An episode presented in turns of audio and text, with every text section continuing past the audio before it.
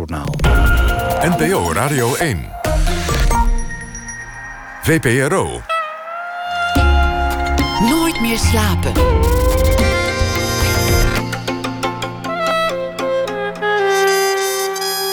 Met Pieter van der Wielen.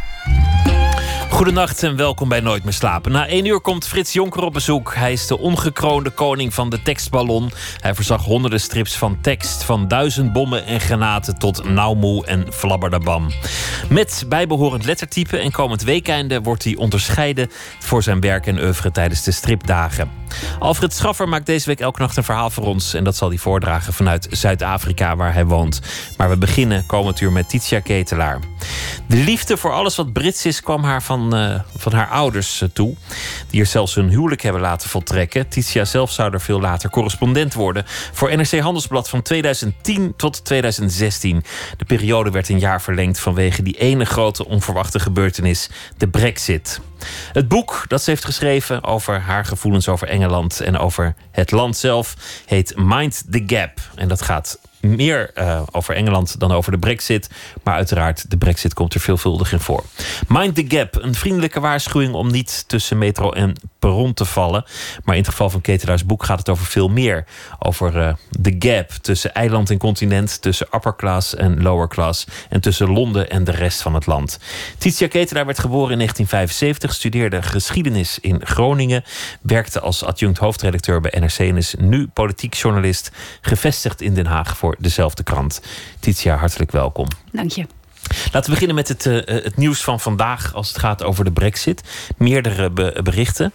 Het Hogerhuis heeft ingegrepen in, in uh, de wetgeving... dat uh, Theresa May wel degelijk rekening moet houden...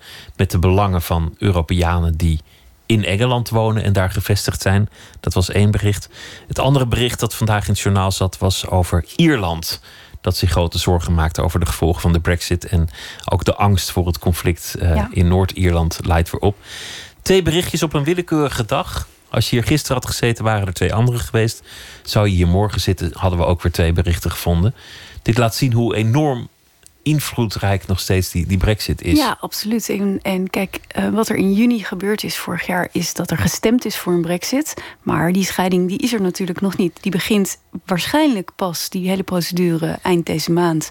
wanneer Theresa May de zogenoemde artikel 50-procedure begint. Dus dat is als het ware de scheidingsprocedure. Jij geeft je scheidingspapieren aan, in dit geval Brussel.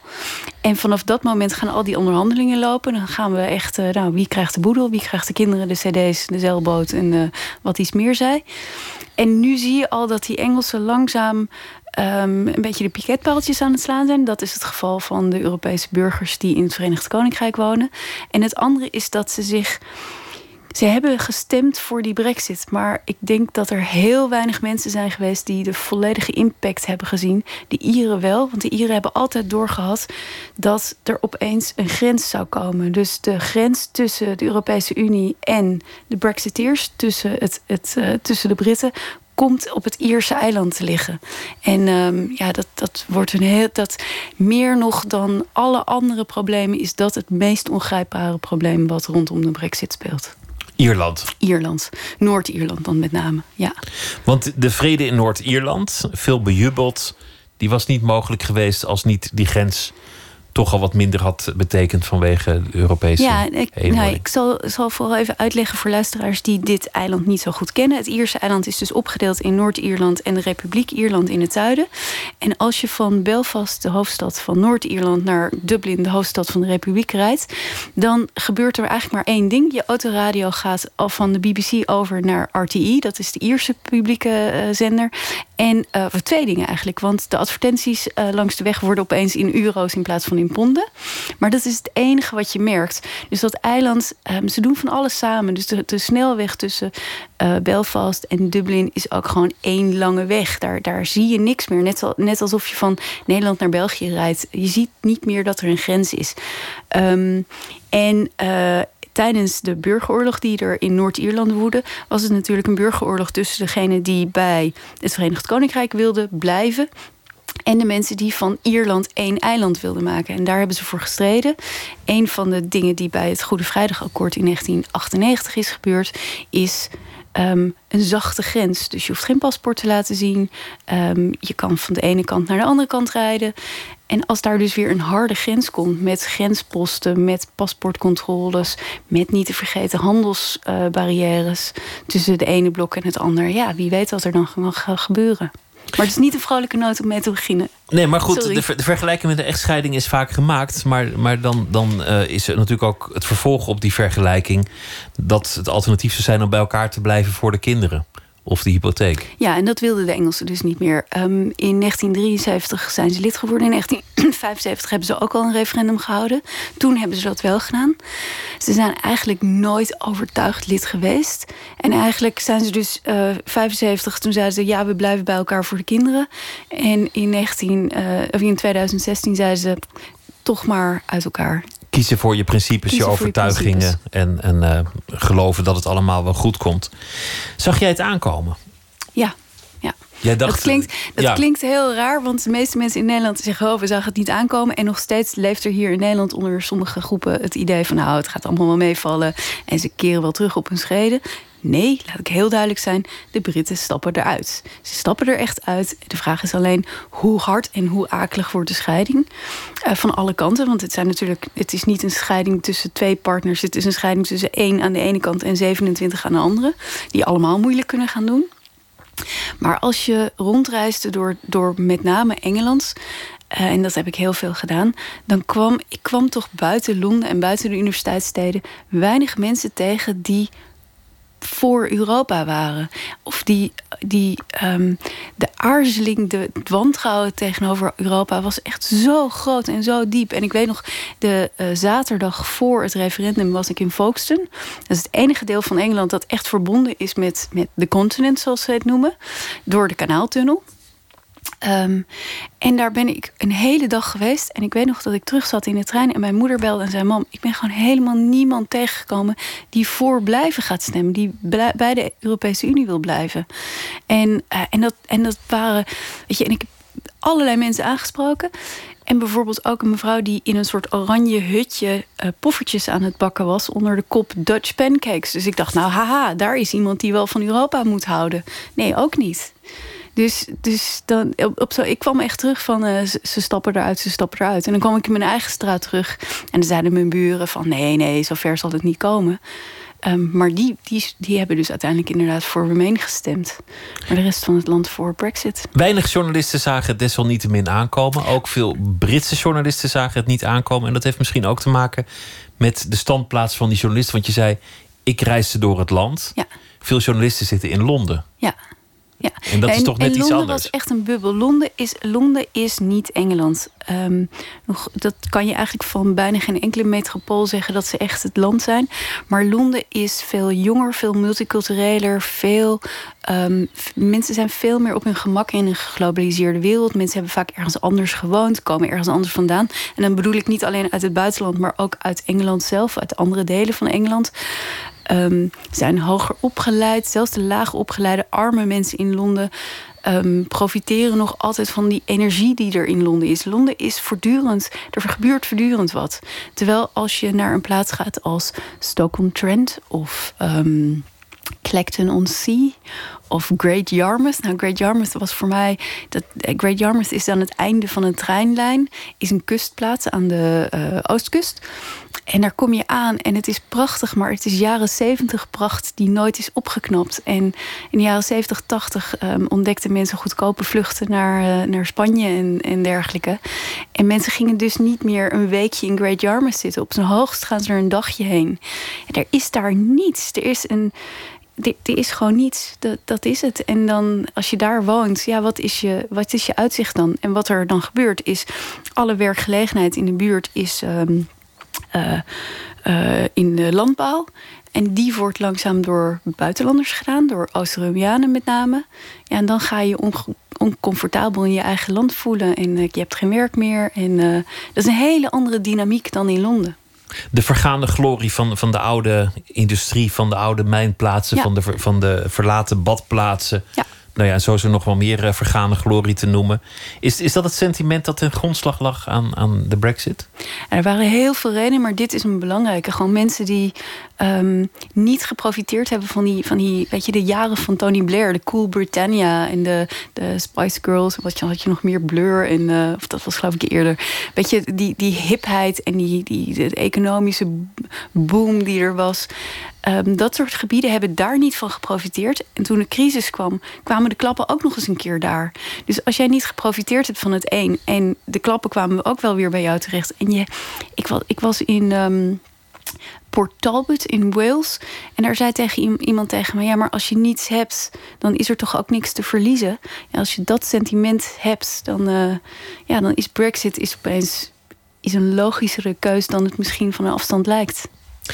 Je schrijft ergens, uh, en ik citeer het verkeerd, maar uh, het verschil tussen uh, blijven en, en, weggaan uit de Unie was ook het verschil tussen biologische kip van de traiteur en ja.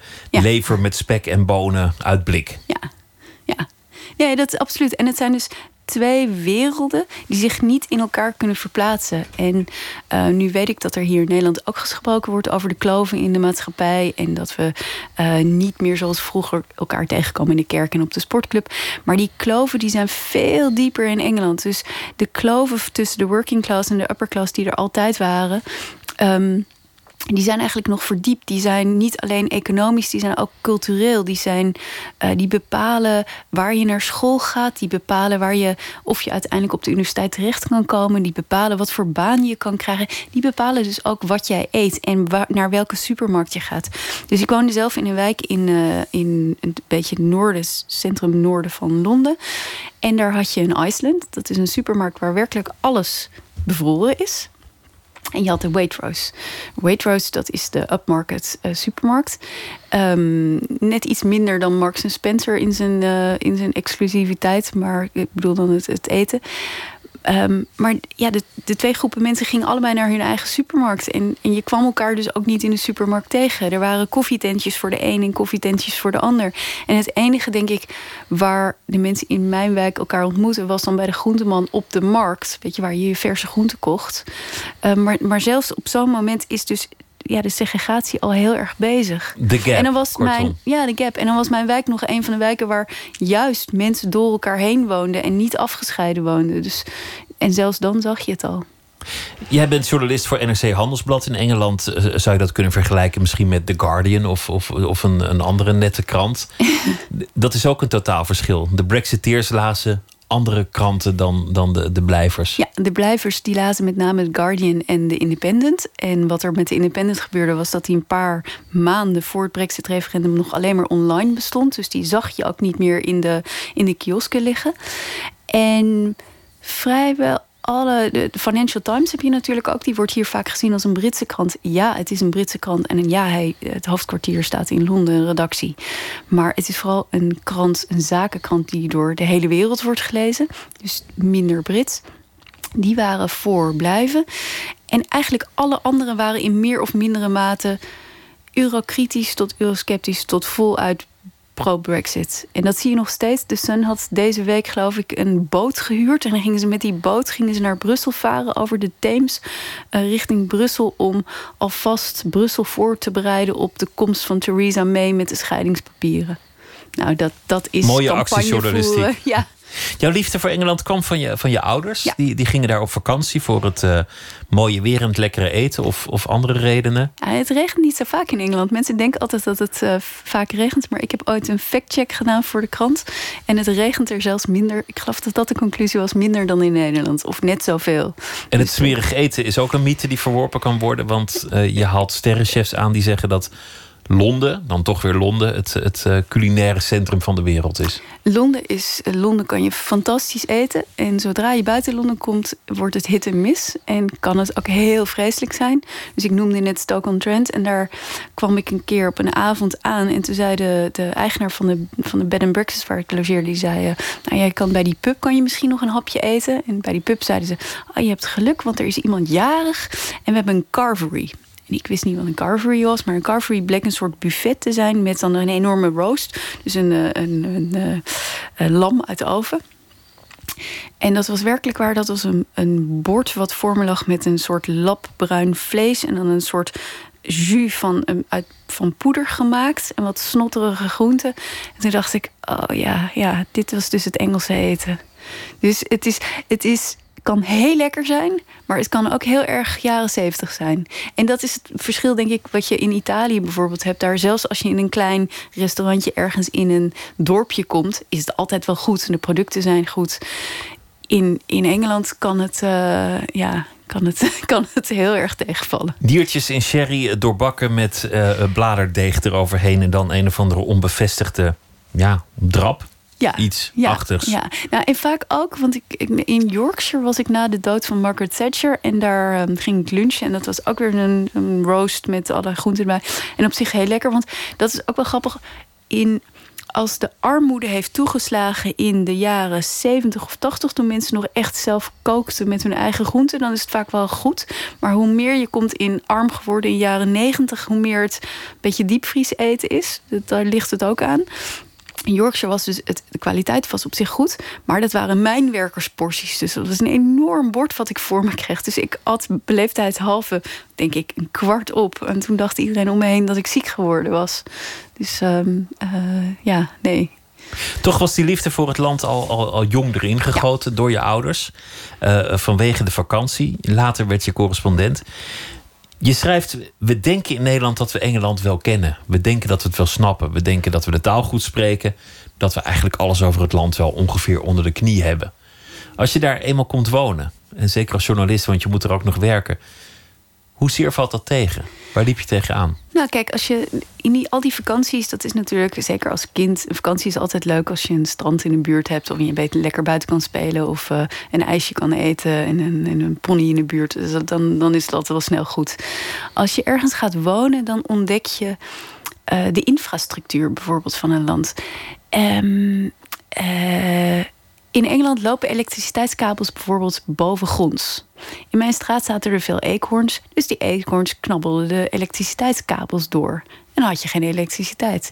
Um, eh, nou, beroemd of berucht eh, is nog altijd dat je in Engeland heb je twee kranen. Eentje voor warm en eentje voor koud.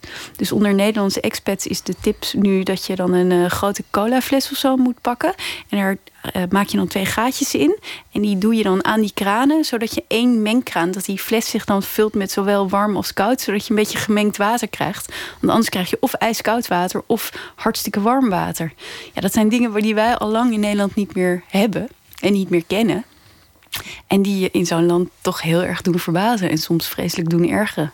En als je opbelt naar, naar hoogwaardigheidsbekleders voor een interview en zegt dat je van een Nederlandse krant bent, dan, uh, dan uh, is het heel moeilijk. Uh, ja, ze hebben geen belang om jou te woord te staan. Nee, je, je vertegenwoordigt geen kiezers. Dus, en zelfs David Cameron kwam daar bijvoorbeeld eigenlijk pas. Um, dus het, het referendum was in juni. Dus in december moest hij onderhandelen met zijn Europese partners, de december daarvoor.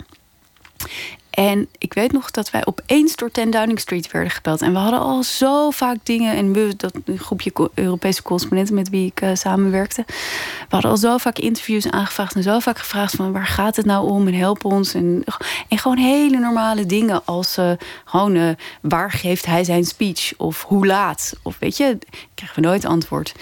En toen uh, brachten ze opeens van, uh, wacht even, hij moet met Europese leiders onderhandelen. Dan is het misschien wel slim als hij van tevoren wat, wat de Europese kranten brieft over hoe dit dan gaat. Maar uh, ja, dat was een zeldzaamheid. En, maar dan moet ik erbij zeggen dat mijn opvolger uh, meer geluk heeft. Want Theresa May heeft vanaf eigenlijk maand drie of zo verzonnen dat ze regelmatige Europese correspondenten moet bijpraten omdat ze toch ook eh, de handelsbelangen wil verdedigen. Ja, in, in, tijden van, van, eh, van brexit. En het andere is, want, want dat, is, dat is een beetje... Dat is meer de Engelse mentaliteit. Als je hier opbelt, ja, natuurlijk weten mensen wat NRC Handelsblad is. Dus dan, dan zeggen ze of ja of nee. En, een Engelsman zal niet snel nee zeggen. Dus hij zal zeggen van... Uh, kunt u de vragen op de e-mail zetten? Of uh, ik zal het mij, als je de secretaresse krijgt... van ik zal het mijn baas vragen of ik leg het voor. En in het begin dacht ik als Nederlander van... Uh, nou ja, ze leggen het dus voor. Dat is niet zo. Het is, een Engelsman durft of, of zal geen nee zeggen. Gewoon niet bot nee, zoals je als Nederlander hoopt te horen. Maar zal dus omslachtig duidelijk proberen te maken... dat ze geen zin hebben in een gesprek. En dat duurde best een tijdje voordat ik dat door had... dat um, als ze geen nee zeggen, maar ze zeggen misschien, dat het eigenlijk nee is. En gewone uh, mensen, niet hoogwaardigheidsbekleders, uh, hoeveel vertrouwen hebben die in de pers? Hoe open zijn die voor, voor journalisten? Geen. Um, de, de journalistiek is, ik geloof, het, het slechtst, uh, het, het, het, beroep met de slechtste aanzien. Dat heeft natuurlijk te maken met alle schandalen die er rond de pers zijn geweest. We het grote afluisterschandaal rond um, News of the World, de tabloid, gehad. Toen bleek dat News of the World uh, niet alleen bekende Britten afluisteren, maar ook hele gewone Britten. In de hoop om zo een nieuwtje op te vangen. Zelfs een, een, een uh, vermist meisje afgeluisterd had. Ja, de voicemail van een vermist meisje. Nou, daar kwam natuurlijk vreselijke toestanden over. En, uh, maar ook dat, dat het, het, met name de tabloids, alles is natuurlijk over de top. En mensen lezen het ook omdat ze weten dat het misschien voor 70% waar is, maar voor 30% lekker dik aangedikt. Maar ze weten dus ook dat als een journalist van zo'n krant komt, dat dat hen ook kan overkomen. Dus ik leerde al heel snel te zeggen dat ik een Nederlandse journalist was. En dan viel het wel mee, want dan dachten ze van nou, die buitenlander moet ik toch een beetje wat uitleggen. Maar gewoon zeggen dat je journalist bent, nee. Zeggen echt het expliciete Nederlandse erbij. Ze vinden vaak ook uh, um, niet alleen Nederlanders, maar eigenlijk iedereen van het vasteland uh, te invasief wanneer het gaat om hun privacy. Ja. Te direct wanneer het gaat om stellen van vragen. Ja. Eigenlijk, eigenlijk hoor je dat niet te doen. Vragen stellen, ook niet aan kennissen, collega's. Vind ik ook. Ik vind nu, nu ik weer terug ben in Nederland, ik uh, vind het. Ik moet daar weer heel erg aan wennen dat de eerste vraag dat vragen terwijl je iemand niet kent, meteen heel persoonlijk zijn. Terwijl een Engelsman die begint een praatje over het weer en dan langzaam kom je erin. Um, je komt niet snel bij mensen thuis. Dat, dat is niet anders. Maar, maar vragen over: ben je getrouwd? Uh, wat is je seksuele geaardheid? Wat is je religie? Hoeveel verdien je? Uh, die stel je zelfs niet aan je beste vrienden. Je, je, je laat dat iemand laat dat vanzelf wel een keer los als die denkt dat hij zich comfortabel voelt in jouw aanwezigheid. Maar hier kan je op een feestje een totale vreemde ontmoeten die meteen hele persoonlijke dingen begint te vragen.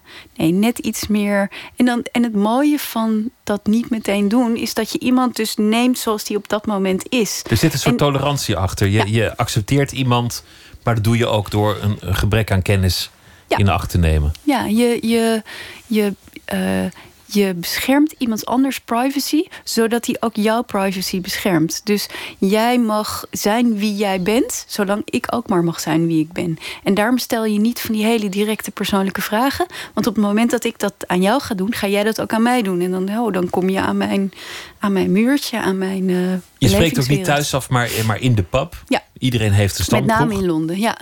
Wat, wat was jouw stamkroeg? Mijn stamkroeg was The Crown. Uh, in mijn eigen straat. En uh, ja, de, gewoon echt een, uh, een, ja, denk een Engelse pub. Met wel op de hoek van de straat. Pubs werden vroeger altijd op de hoek van de straat gebouwd, omdat de, um, dan kon de, de projectontwikkelaar, zelfs al in de 18e eeuw, daar al meteen geld verdienen. En zo de rest van de huis bouwen. Dus daarom zitten ze altijd aan een hoek van een, van een, van een straat. Plus dan konden de, de bouwers konden aan het eind van de dag een drankje drinken. Um, en de Crown, ja, nou heerlijk. Ik had op een gegeven moment de, de verwarming, uh, de boiler ontplofte. En toen heb ik daar een hele dag lekker bij het haardvuurtje zitten werken. Dus zo voelt het ook echt als je huiskamer. Je voelde je daar wel op je gemak om dingen te doen die je hier niet zou doen. Om naar een gemaskerd feest te gaan en dan in het, in het volle outfit de metro in. Ja. Ja. Dat, dat, zou je hier niet durven, maar in Engeland weet je, je mensen... Hier, hier, zouden mensen ook meteen zeggen, huh, wat ga je doen? En, en uh, um, weet je, meteen een vraag erover stellen. Terwijl een Engelsman, ik heb dus inderdaad verkleed als een... Uh, als de, als de eurocrisis. Dus ik was de eurobubbel die ging barsten. Dus helemaal bepakt in uh, van dat bobbeltjespapier. Um, en had ik mezelf ingekleed, had ik een soort jurkje van gemaakt zo heb ik in de metro gestaan. Want anders gingen al die bobbeltjes klappen. Het was niet een heel doordacht kostuum. Um, en niemand die iets vroeg. Mensen keken en dan keken ze dus snel weer naar hun eigen krantje, hun eigen telefoon, hun eigen, weet je, één blik. En dan was het van, van oh ja, die mevrouw ziet er een beetje raar uit. En, uh, laat haar er raar uitzien. De persoonlijke levenssfeer wordt, wordt in acht genomen, maar daarmee ook een soort, soort tolerantie uh, voor de ander. Wat je beschrijft over Engeland is, is eigenlijk dat twee dingen nog hoog in het vaandel staan. Het, het, het eilandgevoel. Ja. Toch, toch het eiland als centrum van de wereld. De afkeer van het, van het continent of de angst voor het continent. En de Tweede Wereldoorlog als een, als een glorieus hoofdstuk in de geschiedenis. Ja. Niet de, de gitzwarte herdenkingen van het vasteland. Nee. Maar, maar juist een periode van nou ja, grote mannen die grote daden deden. Ja, en allebei hebben met elkaar te maken. Namelijk, je bent een eiland en eigenlijk alles wat van het continent kwam, eeuwenlang, dat, dat signaleerde gevaar. Dat waren mensen die of jouw land wilden veroveren, of dus inderdaad in de vorige eeuw twee oorlogen waar de Britten bij betrokken raakten um, om het continent te bevrijden veel levens uh, hebben verloren daar. Veel, veel uh, nou ja, het, is echt met name de Eerste Wereldoorlog, maar ook de Tweede Wereldoorlog. Toch veel Britse soldaten zijn omgekomen. Dus, dus dat is de, de, weet je, van het continent, daar, daar zit toch iets engs. Dat zit toch in het onderbewustzijn. En het tweede, die Tweede Wereldoorlog, ja, ze hebben ons bevrijd het grappige is dat, dat hier in Nederland leer je altijd... het waren de Amerikanen, het waren de Canadezen en het waren de Britten. De Britten zijn vergeten, of nou niet vergeten, maar dat er ook nog anderen bij betrokken worden. Dat naarmate de oorlog verder weggaat, wordt dat langzaam vergeten. Terwijl wij toch die oude Canadezen die dan uh, betrokken waren, die, ja, die, die beelden. Ik weet nog zo'n herdenking die we een paar jaar geleden hebben gehad. Dat, dat staat mij wel bij. Um, en voor hen, bijvoorbeeld de Blitz, dat waren de grote Duitse bombardementen op Londen en met name uh, dat deel van, van Engeland. Um, uh, de stiff upper lip, dat ze dat hebben doorstaan. Dat ze, dat ze toch door zijn gegaan met hun eigen leven. Keep calm, calm and carry on. Dat hele gevoel. Uh, wij, wij zijn de overwinnaars geweest. Dat is een heel ander verhaal dan wat wij over de Tweede Wereldoorlog hebben. En make, do and mend. Ja. Uh, niet te moeilijk doen en repareer je oude sok in plaats van nieuwe te kopen. Het, het moet maar even. Dat gevoel, daar, daar spelen de Brexiteers ook heel erg op in. Ja. Engeland kan het, we hebben het eerder gedaan. Uh, ja, natuurlijk wordt het moeilijk, zo'n zo'n echtscheiding, maar we worstelen ons er doorheen.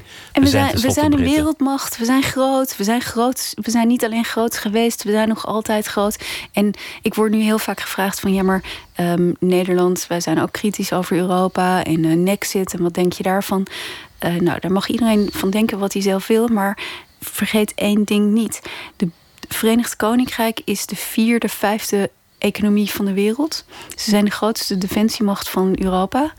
Um, als je naar soft power kijkt, dus uh, wat, wat cultureels de Britten de wereld hebben gegeven, van, van de Beatles tot het World Wide Web tot. Uh, Monty Python tot, nou ik kan het even niet verzinnen, maar uh, de, de, Agatha Christie boeken die door de hele wereld worden gelezen en verslonden, Harry Potter, hun, hun uh, macht, zowel de soft als echte harde macht, is veel groter dan die van Nederland is.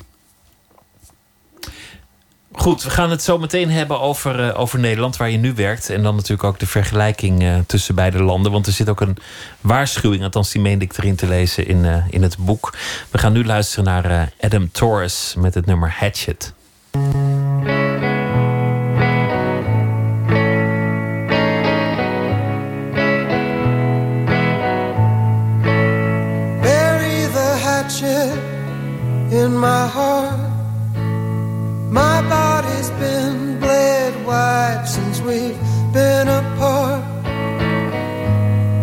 Every day is a different cut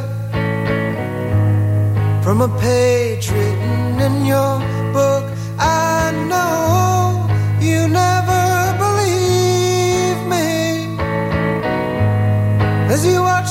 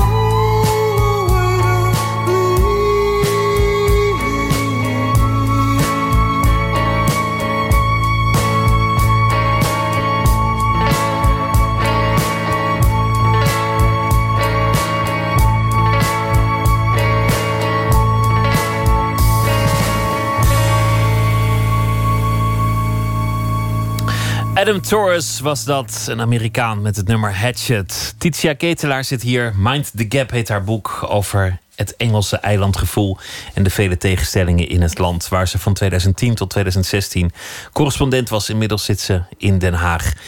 De Brexit, hij zit eraan te komen. Aanvankelijk uh, voorspelde iedereen uh, rampspoed. En toen hij niet meteen kwam, toen voorspelde iedereen weer dat het allemaal wel mee zou vallen. Zo gaat het vaak.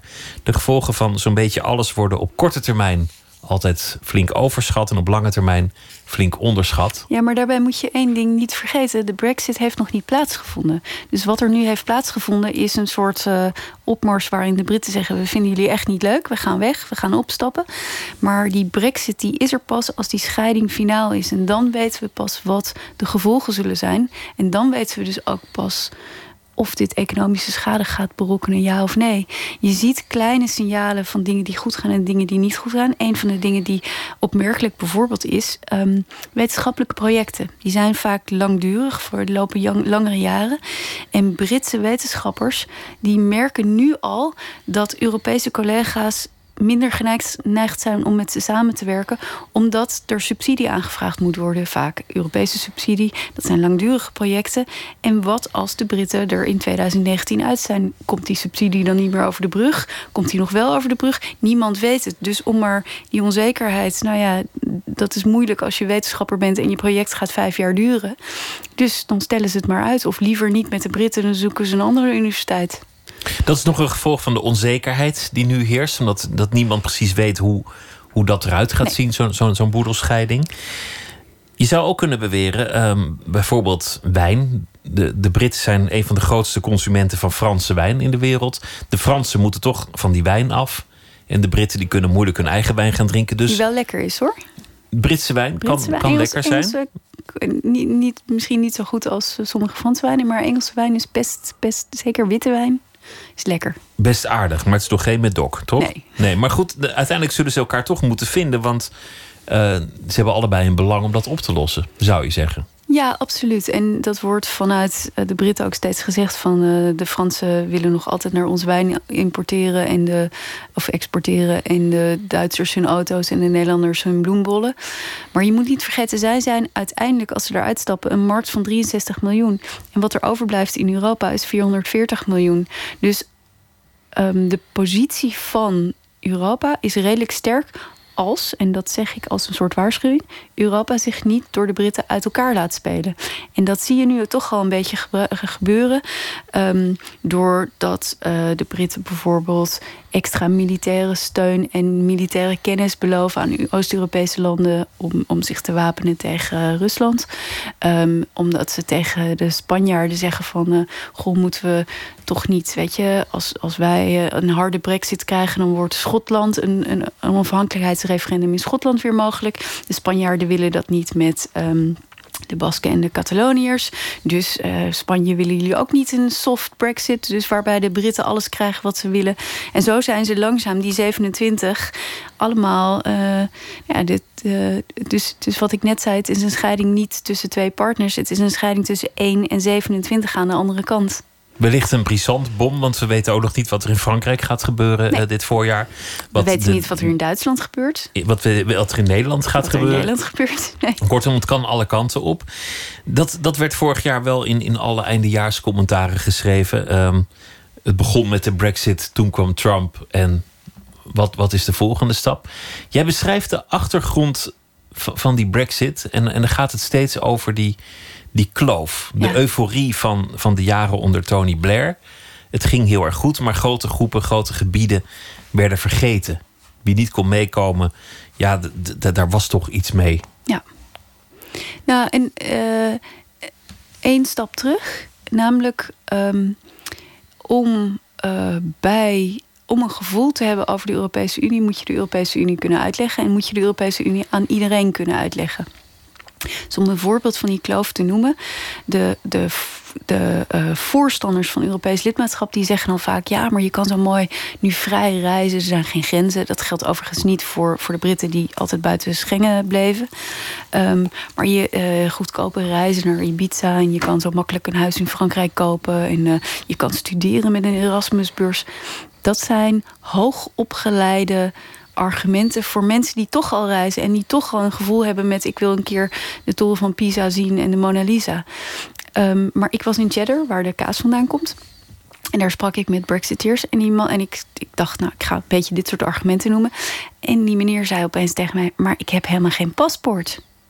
Toen dacht ik: Oh ja, als jij iets uit wil leggen als de Europese Unie. en dat gebeurt door regeringsleiders vaak in economische termen of in dit soort termen als oh Europa heeft ervoor gezorgd dat we niet meer zoveel kosten hebben als we met onze mobiele telefoon in het buitenland gaan bellen, dan ben je dus bezig met argumenten gebruiken die voor, voor mensen die toch al geneigd zijn om veel te reizen, om daar gebruik van te maken. Terwijl de mensen die dus niet van Europa geprofiteerd hebben, die niet reizen, die um, Europa als een, als een abstract ding zien, heb je andere argumenten nodig. Ik zou ook niet weten wat, maar een argument als mobiele telefoontarieven of uh, vrij reizen is niet zo leuk als je in Vlaardingen, Maas Boulevard woont en jouw uitstapje is naar je staakervin in Rokanje.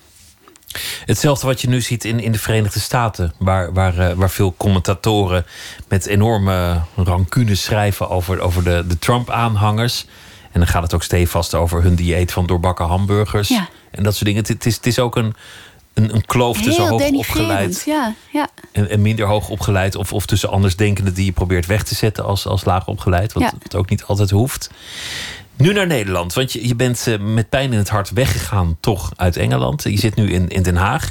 Je schrijft reportages en, eh, en interviews vandaag. Een pareltje van een interview met, eh, met Henk Krol van 50 plus. Dank je. De weerslag van, van twee interviews. Eentje voor de grote verspreking en, en een paar blunders. En eentje erna. De toon van het gesprek was totaal anders. Ja. Tussen die, uh, tussen die twee gesprekken. En, uh, de grimmigheid van het tweede gesprek die droop van de bladzijde af. Ja. En de vriendelijkheid van het eerste trouwens, uh, trouwens ook.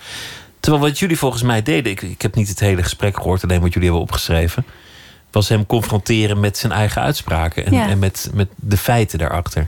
Ja, nee, dat, dat werkt uh, zeker bij politici altijd goed. Gewoon uh, iemand confronteren met wat hij zelf eerder gezegd heeft of wat hij juist niet gezegd heeft.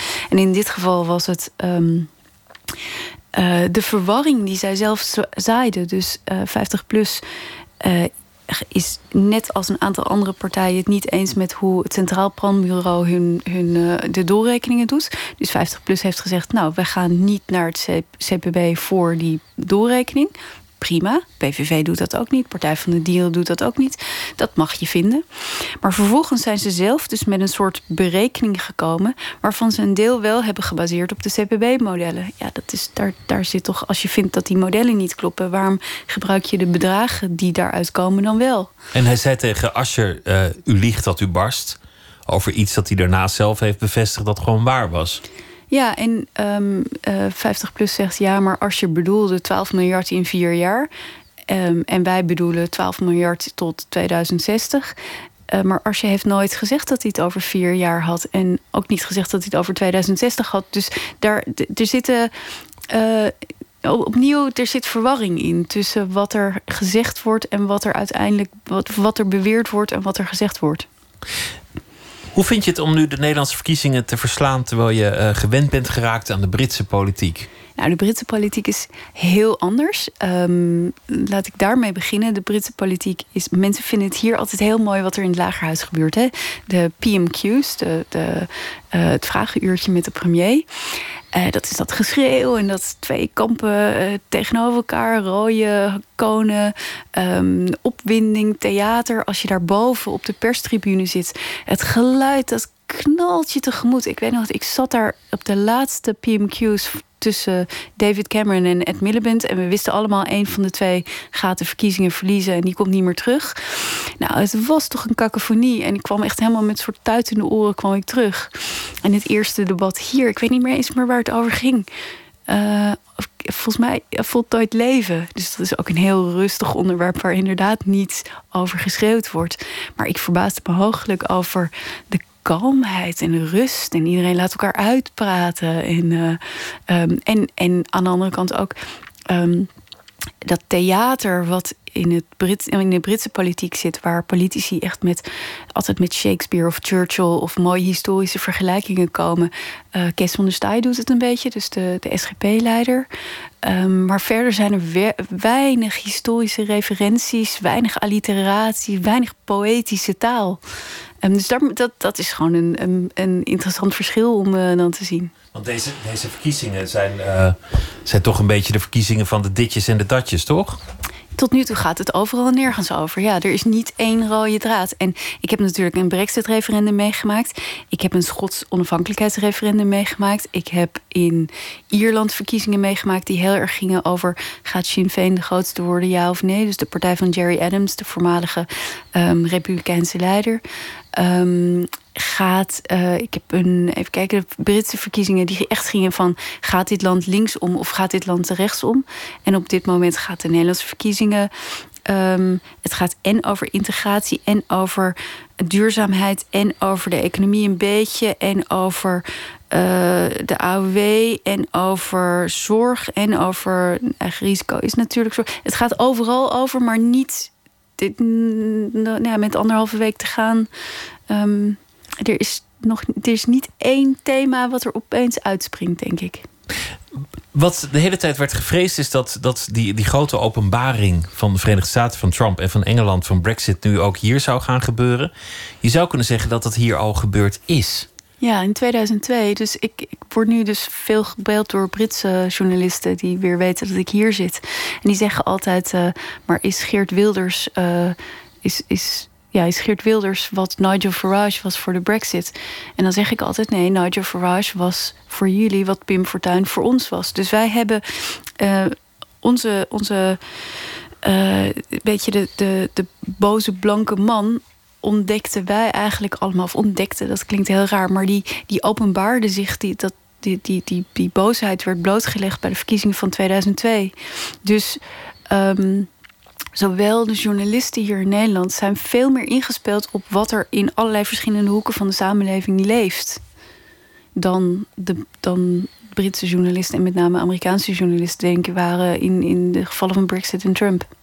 Het mooiste moment in de Britse politiek is alweer van een aantal jaar geleden. Dat was uh, Gordon Brown, die zijn microfoontje niet uh, ja. uit had staan, want die werd gevolgd door een cameraploeg. Les 1 voor, voor politici: altijd zorg dat je microfoon uitstaat. Les 2 is altijd zorg dat als je ergens loopt, dat je papieren niet zichtbaar zijn. Want dan is er altijd wel een fotograaf die fotografeert wat er op je, op je kladblok staat. En hij zei toen over een, over een uh, gepensioneerde mevrouw die hem had aangesproken. Wat een uh, bigoted woman. Een, uh, ja, hoe moet je kleinburgerlijke. Ja, bekrompen. Bekrompen vrouw. Ja de kiezer uitschelden. Nooit, nooit heel, heel erg verstandig. Maar waarom het zo mooi was, is, is ook, en, en dat, dat beschrijf je ook in je boek, dat dat precies de kloof is die daar zichtbaar werd. Ja, dat is de kloof over immigratie. Namelijk, deze mevrouw maakte zich gewoon echt zorgen over wat er in haar buurt gebeurde. Zij zag dus steeds meer Oost-Europeanen komen. Um, en zij wilde gewoon weten wat hij daaraan ging doen. Zij maakte zich zorgen over de wachtrij bij de huisarts en dat de plaatsen op scholen. Uh, weet je dat daar kinderen uh, op school kwamen die Engels niet als eerste taal hadden. En zijn reactie was dus: wat een bekrompen vrouw. Dus niet luisteren naar de zorg die iemand heeft, maar iemand meteen als racist uitmaken en uh, bekrompen. Um, ja, en dat is nog steeds zo. Dat, dat bij bepaalde politici, en met name nu op dit moment, zeker in Labour, dat er gezegd wordt: ja, multiculturele samenleving, dat is toch iets waar we naar moeten streven. Ja, maar je, dat betekent niet dat je voorbij moet gaan aan de zorgen die er wel degelijk zijn. Dus om een voorbeeld te noemen, het grootste aantal Polen woont in Ealing, in uh, percentueel gezien in Ealing in Londen. Daar merk je niets van. Als je daar op straat rondloopt, komt iedereen ergens anders vandaan. Dus, uh, uh, en je ziet het niet. Je, je ziet niet wat je iedereen. Uh, er zijn alle kleuren, alle geloven, alle afkomsten, allerlei accenten. Dus dat valt niet op. Maar wat ik ook in mijn boek beschrijf, ik was in Boston. Dat is in, in het oosten van het land. Dat is de koolhoofdstad van Engeland. Dus rode kool, groene kool en de spruitjes en dergelijke, die worden daar allemaal geplukt. En de hele markt die ligt daar vol mee. Maar als je van het station naar die markt loopt, dus een wandelingetje van denk ik 10 minuten, dan kom je alleen maar Oost-Europese winkels, kappers, restaurantjes, nachtclubs en dergelijke tegen. Er zit nog één Engelse pub en verder is alles Oost-Europees geworden. Dan begrijp je best dat iemand die daar geboren en getogen is, dat die denkt van ja, wat gebeurt er met mijn stad? Ehm, als je dus op zo'n wandelingetje van 10 minuten niemand meer tegenkomt die je kan verstaan. Want die Polen en die Roemenen kunnen jou wel verstaan als je Engels spreekt, maar zij kunnen vaak dat, de, het Pools of het Roemeens niet verstaan. Dat, dat geeft een ongemakkelijk gevoel. En als politici daaraan voorbij gaan, en zeggen dat iemand bekrompen is als die zoiets hardop zegt. Ja, dan mis je toch iets. Die... Maar heb je echt het idee dat dat in Nederland beter is? Want het is, het is waar dat al 15 jaar elke politicus zegt dat hij de wijk in gaat en zijn oor te luisteren leggen. Maar heb jij werkelijk het idee dat dat gelukt is? Nee, tussen luisteren en iets doen zit natuurlijk een kloof. Maar ik denk dat politici hier zich um, veel meer bewust zijn dat dat leeft, dat dat gevoel leeft. De, de, taal in die zes jaar dat ik hier weg ben geweest, is rechter geworden in Nederland. Um, en dat is deels een antwoord geweest op die zorgen die er zijn. En ik denk niet dat, dat wij hier in Nederland de oplossing hebben gevonden, uh, geen zins. Um, en ik denk dat ze dat in Engeland ook absoluut niet gaan vinden met de Brexit. En opeens moet iedereen een visum hebben die uit Europa komt, want dan ben je er ook niet. Um, maar um, kijk, het is iets anders als jij in een grote stad woont en uh, een, een stad als Londen woont en uh, daar betekent gewoon een nieuwkomer betekent dat hij een interessant hip winkeltje opent of een leuk een restaurantje opent. Dus in mijn wijk alleen al, je kon Georgisch eten. Je kon eigenlijk alles van A tot Z wel eten. Dus Georgisch, Afghaans. Um, er kwamen veel Fransen wonen op een gegeven moment. Dat maakt het leuk, dat maakt het levendig. Als jij in Boston woont en je ziet dus jouw hele winkelstraat veranderen in Oost-Europese winkels en je begrijpt niet meer wat mensen zeggen. En dan ook nog eens een keer uh, heb je het idee dat jouw kinderen geen baan meer kunnen vinden omdat die Oost-Europeanen komen. Dat geeft een ander gevoel. En um, ja, dus het zijn. En het, de, die met name de Oost-Europese immigranten die naar Engeland kwamen, er was altijd voorspeld dat het er maar 13 of 30.000 zouden zijn. Dat werden een half miljoen. En die mensen kwamen ook naar plaatsen waar tot dan toe geen immigranten waren geweest. En dan komt er opeens iets op je af. En als dan een politicus niet naar je luistert en zegt dat je bekrompen bent ja, dan keer je af van de, van de politiek.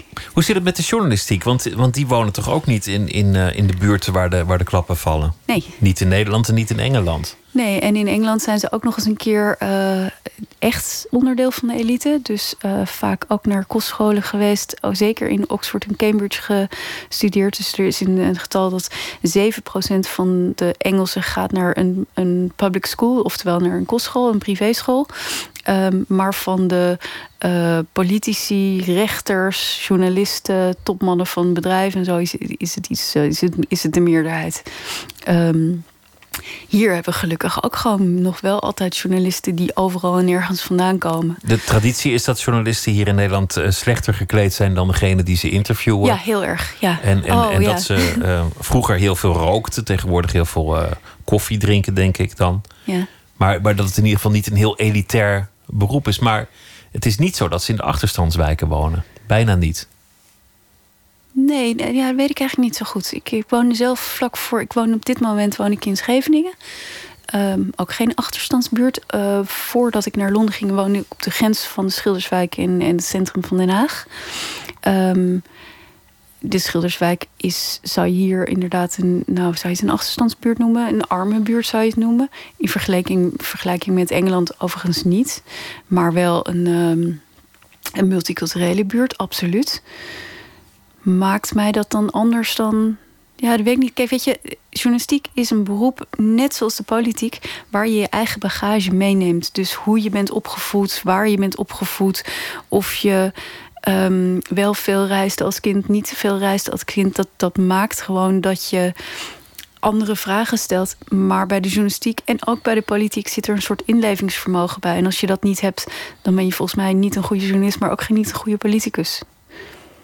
Je bent uh, terug in Nederland en uh, volop al aan de gang met, uh, met het beschrijven van de verkiezingen. Je, je draait mee in het, in, in het circus met ook een paar achtergrondreportages en grote interviews met, met de politiek. Is, is, dat, is dat wat je voorlopig gaat doen? Ben je daar, ben je daar tevreden mee? Het is, de verkiezingen is heel leuk om te verslaan, ja, absoluut. Ja.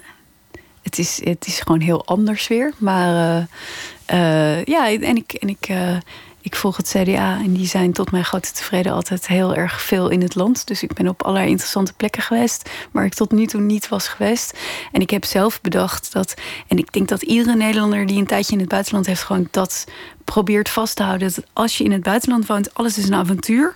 En je wil. Ehm, alles ontdekken. Dus ik heb heel veel gereisd. En in de weekenden ging ik zelf altijd heel veel op pad. En dat probeer ik vast te houden. Dus ook dat je denkt van... Uh, Oh, uh, ik mag naar de Alblasserwaard voor het CDA. Oh, leuk, dan ga ik naar de Alblasserwaard. Weet je, in, in, een beetje daar het avontuur van, uh, van uh, maken. De folklore van, van de campagneleider op tournee meemaken. Dit was niet campagneleider, maar dit was gewoon een reportage. Ja, en het was ontzettend leuk om te doen. Ik noemde net Vlaardingen Maas Boulevard. Was ik ook nog nooit geweest. Nou, ben ik nu ook geweest.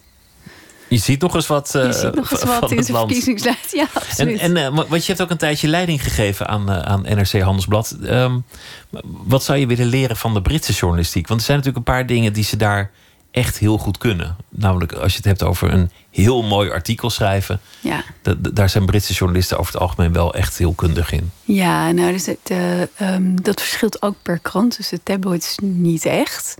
In hun um, eigen genre. In hun maar... eigen genre ik vind vooral wat ik echt zou willen koppen maken. Zij kunnen echt koppen maken met, met grappige verwijzingen naar, naar liedjes erin. Met de, de koppen van Britse kranten zijn fantastisch. Daar kunnen wij echt met z'n allen heel veel van leren. Terwijl ik in jouw uh, boek las dat de, de, meest geciteerde krantenkop uit Engeland uit de geschiedenis helemaal niet waar is. Ja, dat klopt. Over de, ja. de mist. Uh, hoe, hoe, ging die ook Fog, alweer? Fog in Channel Continent Cut Off. Dat is uh, dus de mist in het kanaal continent uh, afgesloten. afgesloten. Ja, die is helemaal niet waar. Nee. Wat jammer. Ja, heel erg jammer. En die wilde ik dus steeds maar gebruiken de afgelopen zes jaar. Totdat ik dus inderdaad van iemand al een keer hoorde van... Ah, volgens mij heeft hij nooit in de Times gestaan. En dat bleek dus inderdaad gewoon waar te zijn. Hij heeft nooit in de krant gestaan. Het is een verzinsel. Een mooie anekdote kapot gecheckt. Ja. Het boek heet uh, Mind the Gap, het Engelse eilandgevoel... en de vele tegenstellingen in één land. Titia Ketelaar, dank je wel. Alsjeblieft. We gaan luisteren naar uh, Sue the Night, een uh, zangeres uit uh, Haarlem, Suus de Groot. En het nummer heet Mind Dear.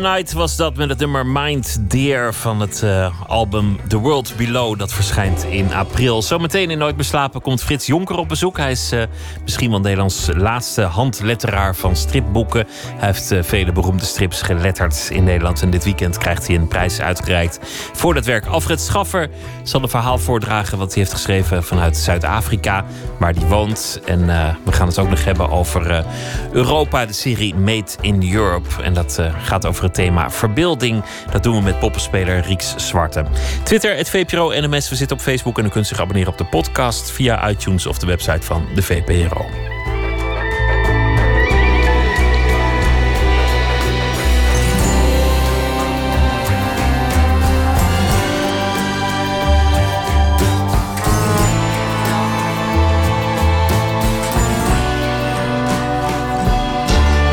Radio 1. Het nieuws van alle kanten.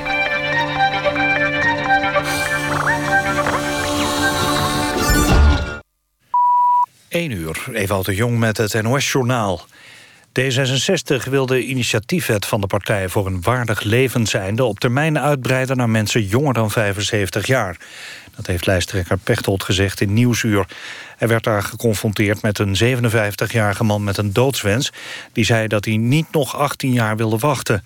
Pechtold zei dat hij hoopt dat uiteindelijk ook mensen die nog niet op leeftijd zijn... een waardig einde aan hun leven kunnen maken. De Amerikaanse minister van Justitie Sessions zal zich niet meer bemoeien met het FBI-onderzoek naar Russische inmenging in de presidentscampagne. Sessions lag onder vuur omdat hij tijdens de presidentscampagne van Donald Trump gesprekken heeft gehad met de Russische ambassadeur in de VS.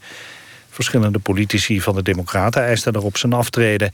De minister zei dat hij het met de Russische ambassadeur heeft gehad... over terrorisme en Oekraïne, niet over de campagne.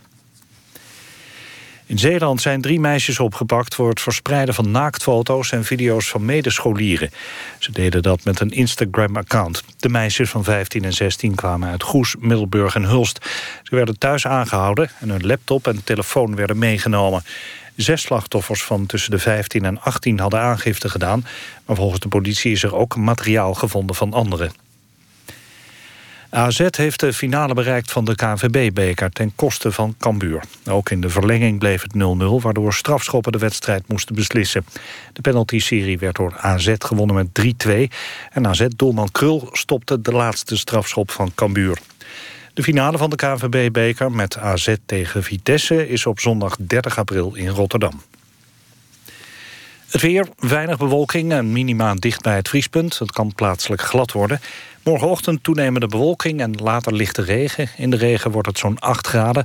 Later wordt het droog en kan het een graad of 13 worden. De matige wind komt uit zuidoostelijke richtingen. Dit was het NOS Journaal. NPO Radio 1. VPRO. Nooit meer slapen.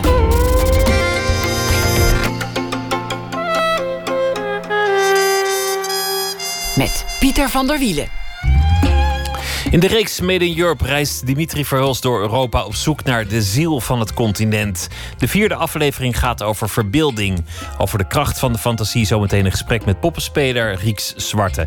Frits Jonker komt op bezoek. Hij is letteraar van stripboeken. Krijgt een prijs uitgereikt voor zijn werk daarin en zijn hele oeuvre. En zometeen is hij hier in de studio Alfred Schaffer. Die zal een verhaal voordragen vanuit Zuid-Afrika waar hij woont. We beginnen met het culturele nieuws. Facebook gaat ook in Nederland het nepnieuws bestrijden. Het sociale netwerk wil dat doen samen met nieuwsite nu.nl en de Universiteit Leiden. Ze willen de rotte appels uit de nieuwsstroom verwijderen en gebruikers waarschuwen voor de verzonnen berichten. Vandaag werden ook de ambassadeurs van de vrijheid bekendgemaakt. Dat zijn artiesten Broederliefde, de jeugd van tegenwoordig en de staat. Zij zullen op 5 mei aanstaande met helikopters door het land worden gevlogen voor optredens door het hele land op bevrijdingsfestivals. Er wordt gewerkt aan een dramaserie over Anton Dreesman, het brein achter de inmiddels verdwenen keten V&D. De serie baseert zich op het boek Vroom en Dreesman Opkomst en ondergang van het Ware Huis, geschreven door Philippe Hondelink en Richard Otto. En dan uh, was er ook nog nieuws over Elvis Presley vandaag. Uh, Elvis Presley's Memphis, een museum en entertainmentcomplex tegenover het oude huis van de zanger Graceland. Dat uh, is geopend. Winkels, restaurants, tentoonstellingen, alles heeft iets te maken met Elvis the King. Aan de telefoon Peter Buwalda, schrijver en groot fan van Elvis. Peter, goeienacht. Hallo, hi, daar ben ik. Ja, Elvis Presley's Memphis, nog meer memorabilia over, over The King. Ja, ja, ik ben er wel eens geweest uh, toen het allemaal nog niet stond. Alleen Graceland daar was. En dat was al een hele toestand hoor. Dat was al een soort circus Renze eigenlijk. Dus uh, ik, heb, ik heb gemengde gevoelens als je dat zou willen weten. Ja, nog meer souvenirwinkels, nog meer restaurants in de sfeer van Elvis. En nog meer thema's die belicht kunnen ja. worden. Ja, ja. Dit is natuurlijk een enorme melkkoe, dat, dat huis hè, van hem. Ik geloof dat het na de White House het meest bezochte huis van Amerika is. Dat, dat heeft die Priscilla, zijn, zijn ex, heel goed gezien. Hè? Want het was, was volstrekt failliet toen hij doodging uh, daar. Ze konden geloof ik het onderhoud niet eens betalen... wat een half miljoen kostte per jaar, las ik net ergens. En dat is nu omgetoverd in een uh, enorme kip met het gouden ei. En dat wordt natuurlijk alleen maar erger, denk ik. Of beter, dat is maar hoe je er tegenaan kijkt. Ik ben niet zo lang geleden uh, nog eens in, in Graceland geweest. Ik moet zeggen dat ik dat eigenlijk heel erg leuk vind altijd. Echt waar, ja? Ja, ja, tuurlijk. Die vliegtuigen en dat, dat toch relatief ja. kleine huis. En, en het totale ja, het gebrek aan groot, smaak bij de inrichting. Dat vind ik, dat vind ik niet. Het is allemaal weer in, ingeraakt eigenlijk. Het, is heel lang heel lelijk geweest. Maar ik vind het inmiddels, die Jungle Room, dat, dat, dat draait hand nu niet meer voor om. Uh, mensen die, die in de entertainment business zitten van nu, zeg maar. Het, het is heel bescheiden eigenlijk. Het is, je, het is weer hip, eigenlijk. Ja, dit is ook weer hip en het is uh, eigenlijk ingehouden. Als je dat met MTV Cribs, het programma, ik weet niet of je dat kent, waar al die rappers open huis hielden. Dat, dat was allemaal veel uh, exotischer en, en, gekker en duurder. En in die zin is hij natuurlijk ingehaald door de tijd. Uh, met zijn luxe, luxe aanpak. Dat is voorbij gestreefd. Joel Weinschenker, dat is uh, degene die, die, die de boel managt uh, op Graceland, die zegt: You'll be able to truly experience all that Memphis offered to Elvis. Walk through the streets in his footsteps and see what he saw, feel what he felt, and live the life of the king. Experience it for yourself. Oké. Okay. Nou, dat is een mooie, mooie ronkende tekst. Maar als je, als, je dicht bij, als je dicht bij Elvis wil komen, waar, waar moet je dan wel heen? Nou, ik, heb daar een tijdje gezeten in Memphis om al die plekken op te zoeken. En ik vond uh, eigenlijk de, de Sun Studios op uh, Poplar Avenue, nee, Union Street, dus vlakbij Poplar Avenue, waar, waar ook een platenzaak was waar die wel kwam. Die studio's waar hij zijn eerste singles heeft opgenomen, dat, dat heeft nog echt een authentieke uitstraling. En, en daar rondlopen, dan voel je wel die voetstappen onder je, onder je voeten, vind ik. Dat heb je natuurlijk ook wel enigszins in Graceland. Maar dan ben je omgeven door, uh, door, door alle fans uit heel de wereld, door alle lagen van de beschaving heen. En dat, is, dat is in de Sun Studios veel minder. Daar is het, uh, het, het echte, de, de, mensen die echt van de muziek houden, die gaan daar volgens mij naartoe. En dan mag, je, dan mag wel... je de microfoon aanraken waar Elvis in gezongen heeft. Ja, ja, ja. Ja, je ja dat vond ik? Ja, daar ben ik wel eens geweest. Maar dat vond ik vies. Want ik dacht, hoeveel mensen hebben die microfoon door de jaren heen wel niet aangeraakt. En... Ja, dat is smetvrees heb je dan. Nee hoor, ja. ik heb er, ik heb, voor mij heb ik er aan gelikt. Dat, uh, dat, was, dat dacht ik al. Ja, die kans ging het erop bij mij. Nee, dat, dat vond ik echt fantastisch. Dat, uh, dat is de mooiste plek wat mij betreft. Ik ben ook in Tupelo geweest. Dat is uh, waar hij geboren werd en tot, ik weet niet, tot zijn twaalf of zo heeft gewoond. En daar, daar staat de Shotgun Shack waar hij in geboren is. Dat is een heel klein ar armoedig huisje. En, en dat heeft ook wel wat hoor, moet ik zeggen. Dat is eigenlijk het tegenovergestelde van Graceland natuurlijk. Die moet je eigenlijk op één dag zien. Hè? Dan, dan zie je de, van, van rags to riches uh, op zijn aller-Amerikaanste uh, zie je voor je.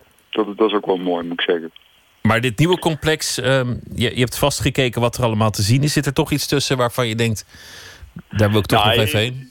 Er moet natuurlijk wel naar gekeken, we moeten er wel heen. Ik bedoel, Dead Elvis, hè? dus alles wat Elvis nog uh, na zijn dood uh, veroorzaakt en wat, wat, er, wat er aan nasleep is, daar ben ik sowieso in geïnteresseerd. Dus ik wil dat heus wel een keer bekijken. En als ik dan over mijn nek ga, al dan niet, dat, dat hoort erbij. Dat, uh, sowieso, Elvis Presley is natuurlijk sowieso een, een veelkantige figuur die niet alleen maar, ja, hoe zeg je dat, bewonderenswaardig was. En, en dat, dat maakt hem ook wel interessant.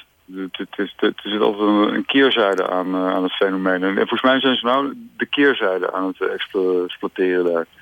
De keerzijde, de, de commercie en al datgene Wat, wat uiteindelijk ook zijn dood is geworden volgens mij. Ja, nou ja, daar heb je wel gelijk. En, die, en die Priscilla heeft natuurlijk een hele schimmige Rasputin-achtige rol inmiddels in zijn, uh, in zijn biografie. Want ze was eigenlijk al uitgespeeld. Hè? Ze, was, natuurlijk zijn ex. En uh, ze waren al vijf jaar elkaar toen stierf, geloof ik, of vier jaar. En ze heeft dat daarna heel handig weer opgeëist. Eh, natuurlijk via hun dochter, denk ik. Maar ook, ook haar naam, of ze, haar achternaam. Ze droeg zijn achternaam niet meer. En in één keer was dat weer wel zo. En dat, uh, dat doet ze slim, maar ook wel uh, op, op een uh, twijfelachtige manier wat mij betreft over het uitmelken van het nalatenschap van de King Elvis Presley. Peter Bewalda, dankjewel. Goeienacht. Ja, jij ook. Oké.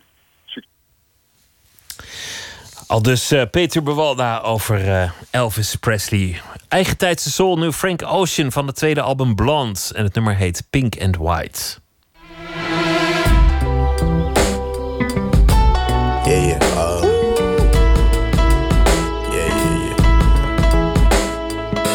the way every day goes. Every time we've no control. If the sky is pink and white, if the ground is black and yellow, it's the same way you showed me. Nod my head, don't close my eyes. Halfway on a slow move, it's the same way you showed me. If you could fly, then you'd feel south. Up north's getting cold soon. The way it is, we're on land. So I'm someone to hold true. Keep you cool when it's still alive. Won't let you down when it's all ruined. Just the same way you showed me. Showed me. You showed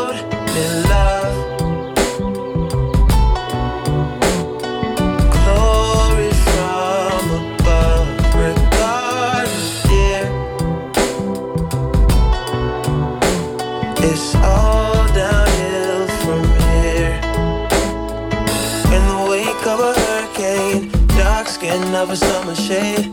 Nose dive in the floodlines. Tall tower, milk crate.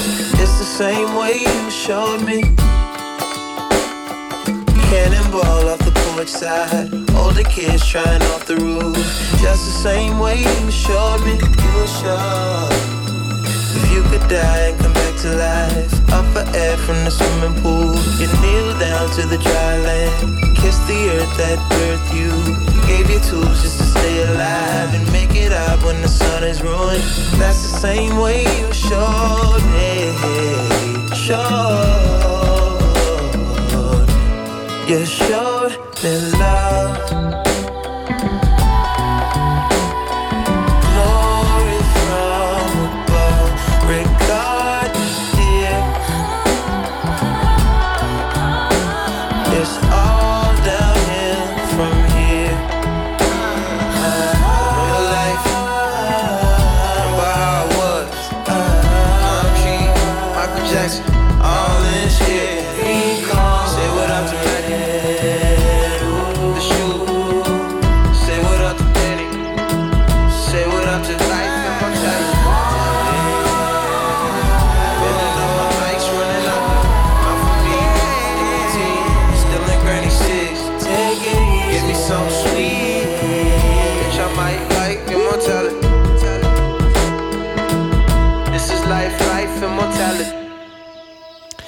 Frank Ocean was dat met Pink and White.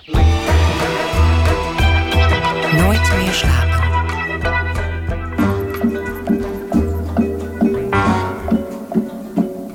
Europa worstelt met een identiteitscrisis. Ga met mij mee door ons werelddeel en ontdek hoe kunst laat zien wie we zijn. Niet het Europa van bureaucraten en bankiers. Niet het Europa van de sceptici, maar het Europa dat leeft in de boeken die we lezen, de films die we kijken, de muziek die we luisteren. Een continent van idealen, van theater. Als ergens de Europese ziel huist, is het misschien daar.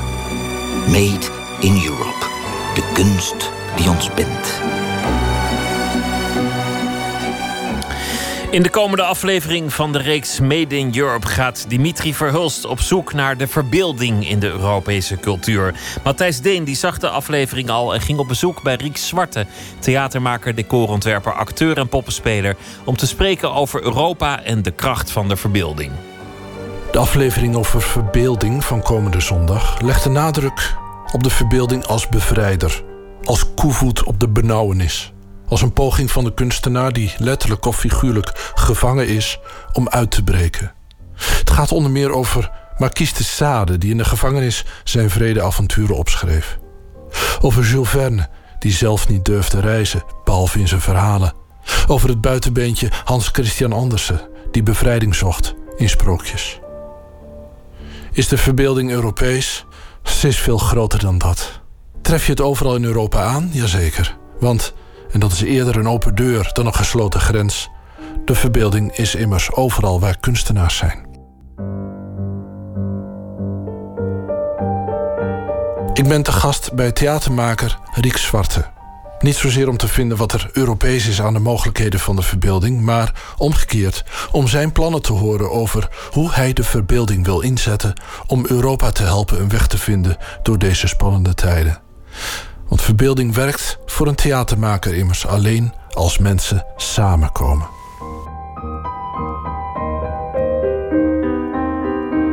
Al het geluk van de mensheid schuilt in de verbeelding, zei Marquise de Sade. En als er geen wereld is om in te ontsnappen, dan maak je er toch een. Riek Zwarte sleept voor de gelegenheid een aantal attributen aan in zijn atelier. Hij heeft een verhaal te vertellen, dat is duidelijk. En dat verhaal begint met een kist. Zo'n kist die je hoopt op een zolder aan te treffen. Met vergeten documenten erin.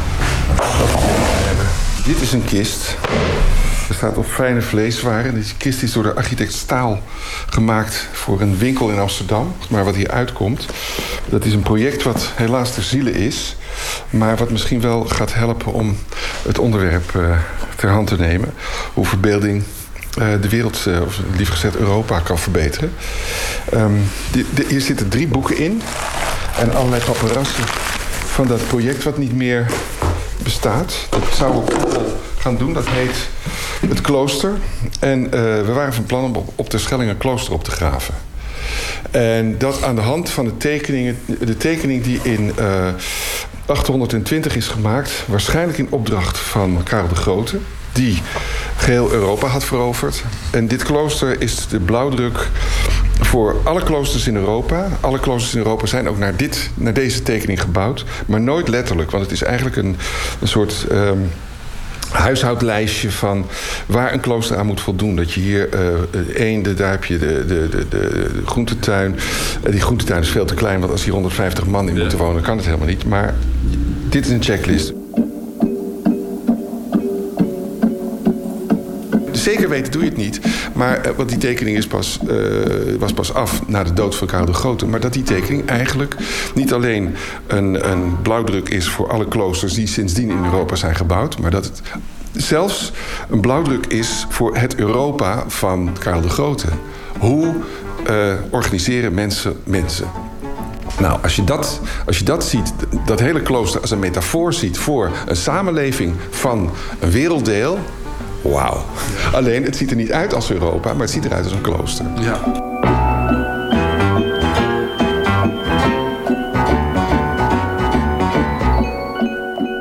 Waarom laat je die tekening zien als je het wil hebben over de verbeelding? Um, omdat uh, wij zouden deze zomer, dus zouden, dat, uh, uh, zouden wij hetzelfde hebben gedaan als Karel de Grote, maar dan met Europa. Deze even wegzetten.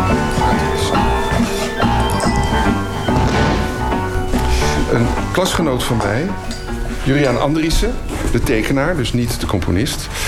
En die heeft al op de middelbare school was hij al bezig met uh, het bedenken van een hele he, ja, soort Jules Verne-achtige werelden met mooie auto's en noem maar op. En uh, die hoorde in, we gaan er lekker bij zitten. In 1970 over de Club van Rome. Met de gruwelverhalen die begin werden voor de milieubeweging. En hij dacht van, we kunnen natuurlijk wel in die gruwelverhalen gaan blijven hangen. Maar wat we beter kunnen doen, is kijken van... wat het allemaal aan voordelen oplevert. Dus hij ging uitvinden hoe Europa eruit zou zien over pakweg 25 jaar. Nou, dat heet die Eldorian Empire. En dat ligt hier nu voor je. Dat kunnen de mensen dus niet zien. Hè? Dat is lekker heel gemeen. en, uh, Daar hebben ze een verbeelding voor. Ja, en ik heb hier zijn handtekening. En uh, hij is gestorven. Hij is uh, verdronken. 21 jaar geleden. Wat ik heel erg vind. Ik, ik vond het een hele grappige man. En dat is iets heel raars. Dat maakt het uh, zo bijzonder dat je nu kunnen we terugkijken op wat hij voor zich zag dat onze wereld er nu uitzag. Wauw.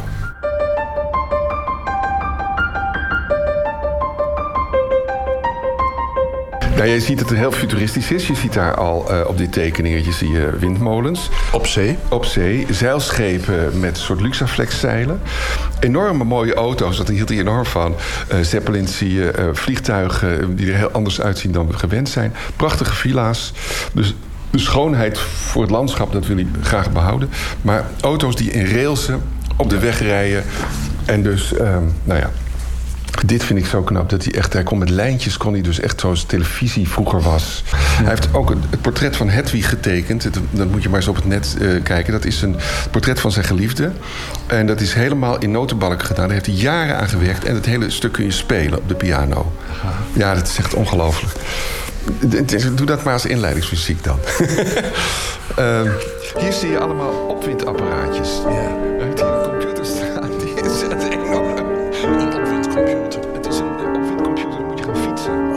Oude kloosterplattegrond. Als blauwdruk voor de inrichting van Europa. De toekomstvisie van een oude, veel te vroeg gestorven vriend. De zorg om de ontwikkeling in de politiek. En het geloof in de verbeelding als verbindende kracht. Al die dingen brachten Rick Zwarte tot zijn eigen initiatief. Dat je een beetje heeft afgekeken van de werkwijze van een Japans architectenbureau dat Bow. Dus we wilden deze zomer wilden we uh, niet zozeer uh, naar het verleden kijken van het klooster, dus niet naar 820, maar we wilden gaan kijken naar hoe de wereld er over 25 jaar uitziet. Dus hetzelfde wat Andriessen heeft gedaan. We zitten zo te somberen over Europa. We zijn zo bezig met de waan van de dag. We komen daar niet uit. We hebben gewoon, net als Karel de Grote, een bouwtekening nodig van, uh, van Europa. Is het niet veel verstandiger om niet aan de vergadertafel te gaan zitten, maar gewoon te gaan tekenen? Dus het plan was om deze zomer met een uh, aantal mensen een tekening te maken van uh, 12 bij 2 meter. Waarin we een, een plattegrond maken van een stuk fictief Europa. Van hoe we hopen dat het er over uh, 25 jaar uitziet. Nou, dat is wat wij willen doen. Met die tekening het gedrag van mensen onderzoeken en daardoor een plek geven. Dus we hebben, Sjoerd, uh, Hendrik en ik zijn bij elkaar gaan zitten. En uh, we hebben gezegd van, uh, is het wat? En Sjoerd werkt veel in Europa met de peergroep. En hij, hij, is nu bezig om overal en nergens te gaan kijken of we... we willen alles in zeven, zeventallen doen. Dus dat, dat we in zeven landen op zeven onderwerpen zeven tekeningen maken. Van zeven bij twee meter. Je doet een beroep op de verbeelding van al die mensen verspreid over het continent. Ja. Wat hoop je? Wanneer is het echt gelukt? Nou, uh, er, zijn, er zijn natuurlijk veel, veel uh, uitzendingen over Europa. Uh, wat je merkt is dat natuurlijk toch boven ziet beneden niet meer. Die zitten, zijn zo ver van elkaar weg. Hoe krijg je dat de democratie weer een, een middel wordt de afspraak wordt tussen mensen hoe we met elkaar de dingen kunnen regelen. Hoe kan boven uh, te pakken krijgen wat er beneden leeft? Want dat is het grootste probleem op dit moment. Dat het eigenlijk in heel Europa snappen we dat al lang niet meer. Uh, de onderlaag is alleen maar boos, boos, boos, boos. Uh, en de bovenlaag probeert angstvallig daar maar niet naar te kijken. En dus zouden er wel eens dingen kunnen misgaan. Dat, uh, nou, ik vind het een hele spannende tijd, dat begrijp je. Ja, maar is het dan zo dat je dan ook, ja. degene die die tekening maken... ook afkomstig zijn, zowel uit hoog en laag? Dat je ze... Ja, het is een goed idee. ja, dat... ja, want je, je, je bent, dat is natuurlijk toch, dat je, je zoekt het vaak in je eigen, eigen clubjes. En dan zijn we dus zes weken aan het repeteren. Dat is het idee, dat je dus ook leert met elkaar tekenen. Hoe moet die tekening worden? Hoe teken je dat? Uh, enzovoort, enzovoort. Want als je dat doet, dan kan je de verbeelding echt inzetten. Ja. In het maken van een verbinding. Ja. ja.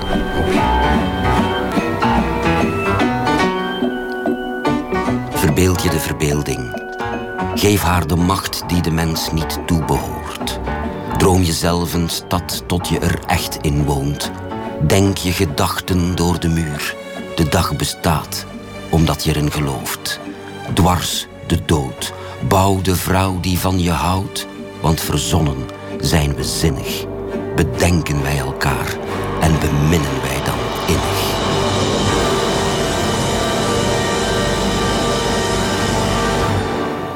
Matthijs Deen in gesprek met Rieks Zwarte... naar aanleiding van de reeks Made in Europe... komende zondag, kwart over acht, op NPO 2... wordt deel 4 uitgezonden met dus het thema verbeelding.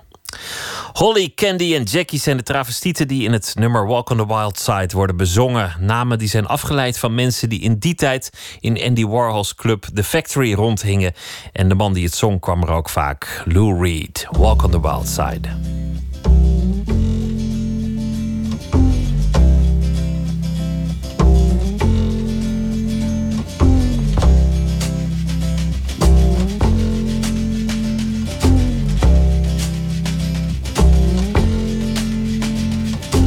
Holly came from Miami, FLA.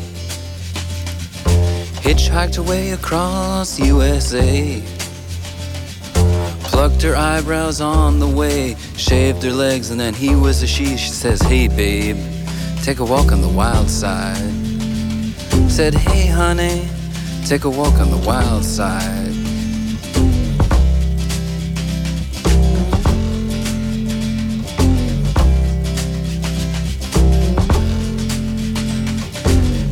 Came from out on the island. In the back room, she was everybody's darling. But she never lost her head, even when she was given head. She says, Hey, babe, take a walk on the wild side. Said, Hey, babe,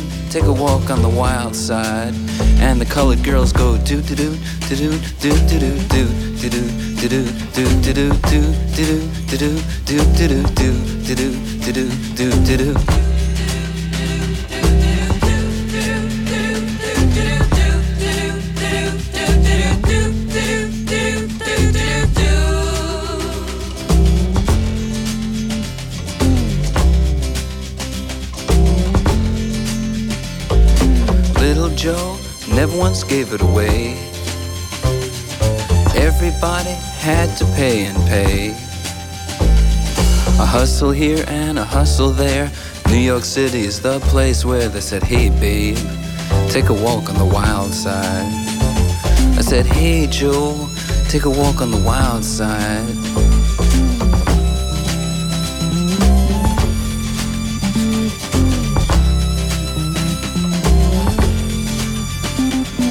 Sugar Plum Fairy came and hit the streets.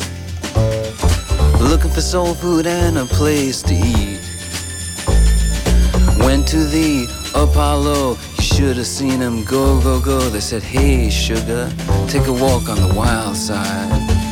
I said, Hey, babe, take a walk on the wild side. Alright. Huh.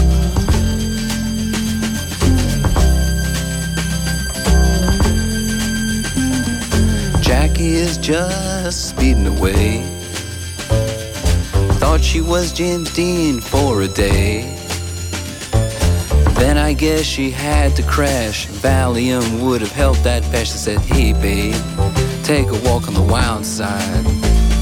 I said, Hey, honey, take a walk on the wild side. And the colored girls say, Do, do, do, do, do, do, do, do, do, do, do, do, do, do, do, do, do do do do do do do do do do do do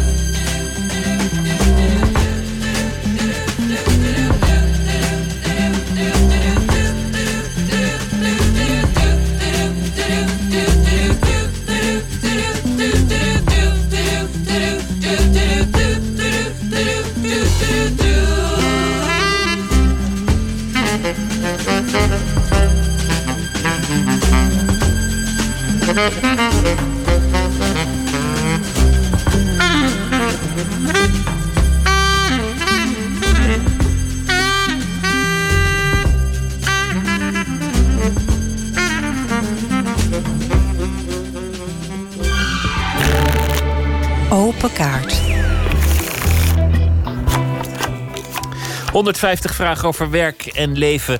Te gast is Frits Jonker en de kaartenbak staat klaar. Hij is uh, tekenaar van uh, letters, van beeldverhalen, van de stripboeken.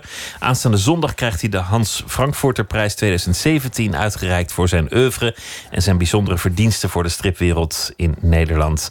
Hartelijk welkom, uh, Frits Jonker. Ja. Hoe, hoe is dat begonnen eigenlijk? Dat, dat jij de man van de tekstballonnen en, en de letters bij de strip werd? Ja, dat is natuurlijk niet helemaal de bedoeling geweest. Ik wilde eigenlijk heel graag striptekenaar worden. Maar ondanks mijn verwoede pogingen om uh, dat te worden, lukt het niet. En uiteindelijk een uitgever die ik een verhuiskaart stuurde... die vond het handschrift mooi. En die uh, bood me aan om voor hem te gaan letteren. En ik had tot op dat moment nooit beseft dat dat een vak was. Maar ik bleek dat inderdaad uh, te kunnen. En ik vond het ook heel erg leuk. En dat viel samen met de, de periode... Dat, de, de, dat waren eigenlijk de hoogtijdagen van de Nederlandse strip. Er was ook heel veel te letteren. Wel, welk, welk jaar hebben we het dan over? Ik ben echt slecht in jaren, maar eind, eind jaren 70. Dus uh, ja, ik denk dat ik in 77 of zo... mijn eerste boek heb geletterd. En toen, ja, toen had je nog... Uh, tientallen uitgevers die commercieel uh, haalbare boeken uitgaven. Nou, nu is dat echt, echt helemaal voorbij. Voor die, het is nu een soort dichtkunst geworden. Maar dan, uh, Hele kleine oplagen ja, zijn, het, ja. zijn het nu geworden. Die albums, die, die succesvolle albums... van uh, nou ja, Robbedoes en Kwabbernoot of Guust Vlater... Of, of noem ze maar op, die, die werden meteen vertaald. Ja. Als er een album uitkwam, dan lag hij eigenlijk dezelfde maand nog in de Nederlandse winkel. Ja, nou, daar leefde ik van, natuurlijk van de vertalingen die... ja, en, en dat waren ook soms echt hele obscure dingen. Maar wat je zegt, alles werd vertaald van... Uh, als er een strip in, in, in Duitsland of in Frankrijk of in Engeland werd uitgegeven... werd die meteen ook in het Nederlands gedaan. Dus ik had een heleboel werk. Ik, ik maakte heel vaak de grap dat ik de enige was in de stripwereld... die er echt goed van kon leven. Dat was natuurlijk niet helemaal waar, want zo goed kon ik er niet van leven. Maar er waren een heleboel tekenaars die konden er nauwelijks van leven. En uh, ik, ik had gewoon altijd werk. En dat heeft heel lang geduurd. Maar ja, een gegeven moment stortte zowel de stripwereld in als... Er kwam een computer die dat sneller en, en goedkoper kon dan ik. Dus dat, dat viel een beetje samen. En toen hield het wel op. Heb je niet overwogen om zelf dan het computervak aan te leren... en op die manier verder te gaan? Nee, ik heb niet zoveel... Met, ik vond het... Kijk, dat is een, achteraf is dat misschien niet de handigste beslissing... maar op dat, op dat moment toen was die lettering met de computer zo lelijk... en het, was zo, het stootte me zo tegen de borst... dat je dat ook dan zou moeten doen. Dat, daar voelde ik echt helemaal niks voor. voor. Maar nu is het anders, want ik vind nu wel... nu zit je op een punt dat het bijna goed is, of, of behoorlijk goed. En nou zou nog een paar mensen moeten doorduwen... om het echt goed te maken. En dat zou eigenlijk dat had ik ook kunnen doen, omdat ik natuurlijk de expertise heb. Maar ik heb er nog steeds geen zin in. En ik heb niks met computers. Wat doe je nu voor de kost? uh, nou, ik schilder onder andere huizen. Maar ik heb eigenlijk mijn hele leven altijd van alles gedaan. Dus ik let er ook nog wel eens een strip. Uh, uh, maar ik, ik doe van alles. Maar eigenlijk zeg ik het om het gemakkelijk te maken, ben ik huisschilder. En dat doe ik ook wel best veel. Ja. En dat vind ik ook heel leuk. Het is helemaal niet een soort... Uh, het klinkt als je een enorme stap terug doet, maar letter is een ambacht.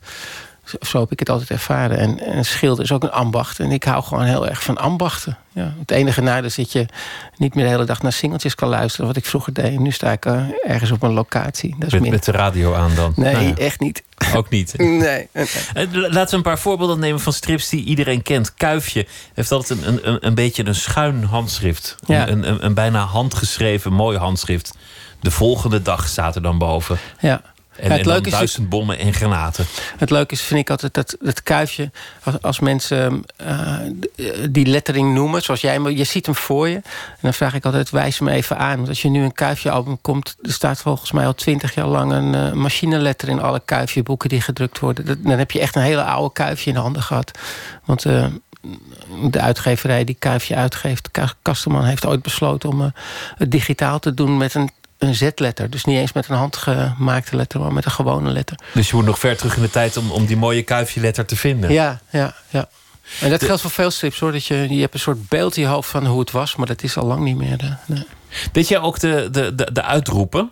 Uh, ja, ja, ja. Flaboom of, of kaboom? Of, uh, ja, de onomatopeeën, zoals dat mooi heet. Van, ja, ja, ik vond het, dat was iets waar ik zelf heel gek op was. Omdat je, de, er waren vroeger natuurlijk meer letteraars in die hoogtijdagen. En Um, ja, letter is goed te leren. Dat is een iets als je een beetje je talent hebt je doet je best. Maar die onomatopeeën niet. Dat is gewoon bijna tekenen. En ik hield er heel erg van. Ik, ik zat altijd graag boeken te doen die, die veel onomatopeeën hadden. Piepende remmen of, Ja. eh, of missende kogels, noem maar op. Ja, ja je ziet daar toch wel, dat is ook een soort. ehm, eh, ja, het is bijna een tak van sport die, eh, eh, waar je meteen aan ziet wie, wie wat gedaan heeft. eh. als ik een boek doorblader, kijk ik ook heel vaak meteen eerst even naar de onomatopeeën. Als die goed zijn, dan weet je, oh ja, er is aandacht aan besteed. Het is, het is jammer dat de computer is gekomen en, en dat het het niet altijd beter heeft gemaakt. Maar tegenwoordig zie ik in, in veel ambachten dat, dat de waardering weer terugkomt. Voor, Ja. voor, het, voor het ouderwetse. Ja, maar het is vaak wel achteraf als het, als het werk zelf al verdween. Ik, ik heb ook nu, ik heb echt niks te klagen over waardering sinds ik gestopt ben. Want Iedereen mist je. Ja, nou, ze zien vooral dat je, dat, dat, dat werk wel, wel iets betekent. En eh, ik vind dat wel heel, heel... Het is leuk. Maar het is ook heel wonderlijk, omdat... eh, ehm, het is een beetje te laat. Wat is je favoriete letter? Ehm, nou, ik, ik, ik, ben heel erg beïnvloed... en ik hou heel erg van de Amerikaanse comic letter. Maar het komt ook omdat ze daar ontzettend veel aandacht aan de letteringen besteden. En dat was ook, die werd ook altijd vermeld in de boeken of- in de comics van wie het geletterd had. Maar ik vind dat ja, het ambacht is daar op zijn hoogst. Hier in Europa werd altijd maar wat gedaan. En dat pakte soms heel mooi uit. Maar het was toch een beetje hapsnap. In Amerika niet. Daar had je gewoon volgens mij opleiding of handboeken. En dat werd echt... eh, en als je ook een goede serie had, zoals Spider-Man... dat op zijn hoogtepunt was, of Batman... dan zochten ze ook echt de beste letteraar erbij. Dat was in Nederland eigenlijk niet aan de orde. Je was hier blij als eh, iemand je boek op tijd naar de drukker bracht. Er is heel veel slecht geletterd in die hoogtijdagen. Omdat het gewoon, ja, die, wat jij net zei, die boeken moesten heel snel gedaan worden. Ja, en wie dan beschikbaar was, of wie je kende, of wie het voor een bepaalde prijs deed, die deed het dan. En dan moet je je voorstellen dat zo'n zo'n kuifje in, in wat zal het zijn geweest, eh, 60 talen werd, eh, werd vertaald. Ja, er is ook geen overzicht over te houden dan. Dat snap je dan ook wel van. Het, gaat, het is moeilijk hoor. Voor, In het Russisch, Chinees, Japans, eh, Swahili, noem maar op. Ja, ik deed ze ook vaak wel als ik voor een uitgeverij werkte en er was een boek wat heel snel gedaan wordt worden, dan deed ik ook wel vaak drie talen. Dan, dat was voor hun makkelijker. Dan wisten ze ook dat- het eh, eh, betrouwbaar was. En, En wist je dan wat er stond? Of was het dan meer een kwestie van gewoon die letters goed krijgen? ja, som, ik heb ook wel boeken geletterd in talen waar ik echt geen idee had wat ik aan het doen was. Maar dat is ook omdat je dan, ja, dan schrijf je gewoon de letters na. En dan eh, in, bijvoorbeeld in die rare Franse dialecten, Gallisch of zo, dan met al, ja, of. of ehm, Baskisch of... eh, Ja, zoiets, dan wist ik het echt niet. Maar dat, dat kwam niet heel vaak voor, maar ik deed het wel. Voor.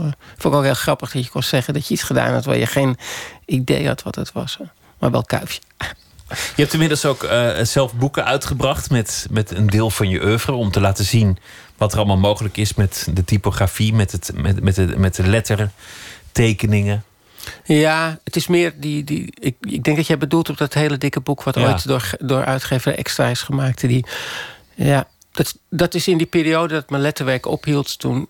Ik had en tijd over en, en ik, ik heb een soort voorliefde voor onderwerpen... die ehm, niet heel erg populair zijn. Toen dacht ik, weet je wat, ik ga daar gewoon eh, aan te buiten. Ik ga daar de hele dag over schrijven. En op een gegeven moment zei een uitgever van... eh, zullen we die stukjes niet eens bundelen?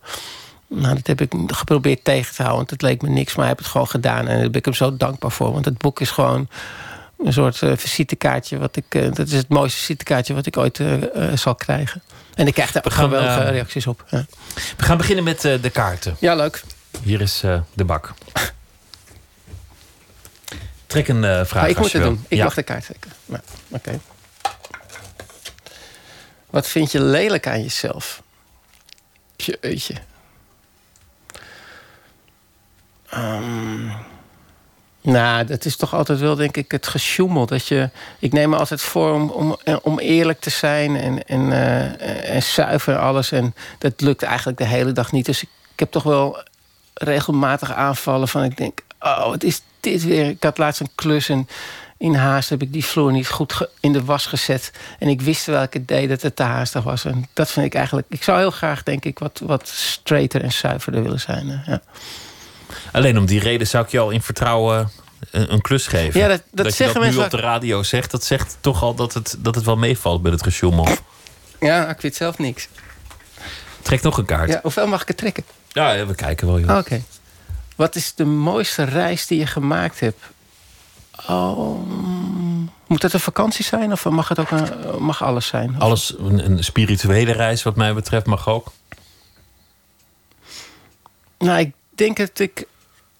Er was één reis waar ik een paar keer zo gelukkig was... dat ik dacht, daar, hier teken ik voor. En dat was eh, een van onze eerste vakanties met ons gezin naar Kreta. Daar reisden we van dorpje naar dorpje. En, eh, ik had, daar was alles leuk. Ik kan me, daar was ik echt, dat heb je wel eens, hè, dat je het iets heel lekker vindt. Het weer is geweldig. En ik was echt verbaasd over de manier waarop die mensen daar met elkaar omgingen. Vooral de kinderen met de oudere mensen. En eh, ik had er wel een paar keer dat ik dacht, nou, ik, zou, ik kan geen reden bedenken waarom ik hier ooit nog weg zou gaan. hè. Behalve dat ze er weinig rock'n'roll eh, hebben. Dan zou dat nou jammer zijn. Trek nog een kaart. Ja. Jee, wat raar is dit. Welk bedrog is je sterk bijgebleven? Ehm, mijn bedrog of van een ander bedrog? Nou, van jezelf ook, want, want je had het net over het sjoemelen. Even kijken. Maar misschien ook de momenten dat je zelf bedonderd bent. Vind ik ook wel interessant. Ik ben niet zo heel vaak be- bedonderd, denk ik, in mijn leven. Mm. En ik heb, mijn gesjoemel is ook niet echt bedrog, dus... Wat is nou echt een... mm. Nooit een Weinig hypotheek dus. afgesloten of... eh, Ik, bedoel je? Ja? Ja, maar dat sliep goed af. Oh, niet, oh.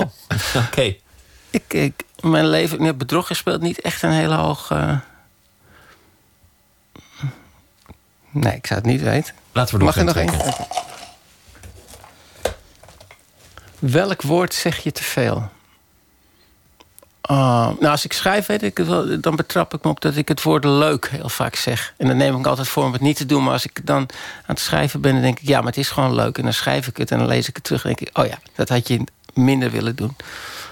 Uh, dus ik denk een woord als leuk. Leuk is sowieso een woord dat je, dat je erg veel hoort Ja? tegenwoordig. Oké, ik stoor me er niet aan bij andere mensen. Maar ik weet wel Ik van mezelf. Oké. maar- Ja, bij andere mensen kan ik me heel gauw storen als ze bepaalde woorden. ik pak er nog één, hè? Waardoor werd je in je werk belemmerd?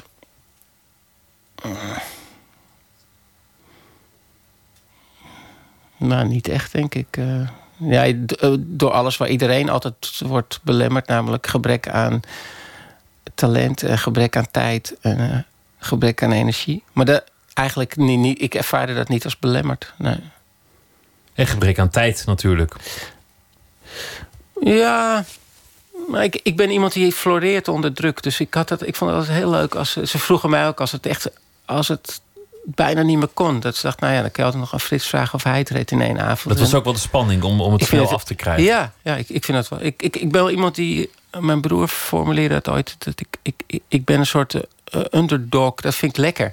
Dus eh, ik manoeuvreer me ook wel graag in posities waar ik dat kan uitspelen. Natuurlijk. Eh, het is wel minder geworden, maar dat letteren, eh, eh, als je weet dat zo'n boek naar de drukkerij moet de volgende ochtend. En jij moet dat in één nacht doen. Ja, dan heb je niks te verliezen, toch? Van, eh, Dan kan je alleen maar winnen. dat vond ik wel leuk. hoor. Heb je zelf een mooi handschrift? Ja, dat is grappig, want toen ik. eh, ik, ik had best een goed rapport, behalve voor schrijven altijd. Dat, maar dat, volgens mij was dat meer uit koppigheid... dat ik me eh, weigerde om precies te doen wat je moest doen. Ik kan me bijna niet voorstellen dat ik zo lelijk schreef... dat je daar dan een minder cijfer voor dan, dan mijn taal kreeg. Maar ik weet wel dat ik, me, omdat ik ook nogal streberig was als kind... me irriteerde dat ik een, een- een 6 kreeg voor schrijven. Dus dat is wel grappig. Ik had, eh, dat is toch nog goed gekomen. Ja. Het is later je beroep geworden. Dus eh, nou, we gaan nog één, eh één Nog vraag eentje. doen. Vind je dat je genoeg verdient? Ehm, ja. Nee, over geld heb ik helemaal niks te klagen voor. Ik, ik zie wel dat. dat dat is eigenlijk een variatie op deze vraag. Dat een heleboel mensen meer verdienen dan ze verdienen. Dat zie ik wel eens. Maar dat hoeft niet naar mij dan. Dat zou ik dan liever willen dat het naar eh, bejaarden en eh, scholen ging. Maar ik heb niks te klagen. En naar, en naar een waardering al helemaal niet. eh. Het feit dat ik hier zit als letteraar, dat zegt al genoeg. Aanstaande zondag krijg je een, een prijs, nog meer waardering. En het is je gegund. Frits Jonker, dank je wel. Graag gedaan. En de stripdagen die zijn dus eh, komend weekeinde in Rijswijk. En daar wordt ook eh, bekendgemaakt wie de prijs zal winnen voor beste stripalbum van het jaar 2016. De Schotse band Steelers Wheel werd in de jaren 70 beschouwd als de Britse versie van Crosby, Stills, Nash Young. En dit nummer uh, gaat over iets te lang in het café blijven hangen. Late Again.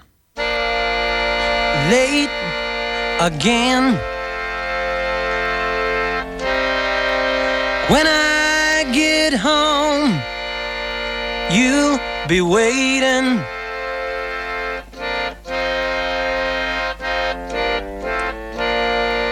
Still, you know, there ain't no use in you complaining.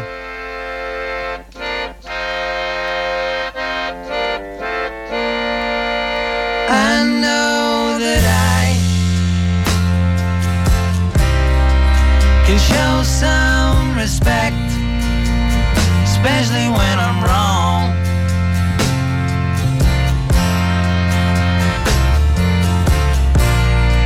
But when I get back,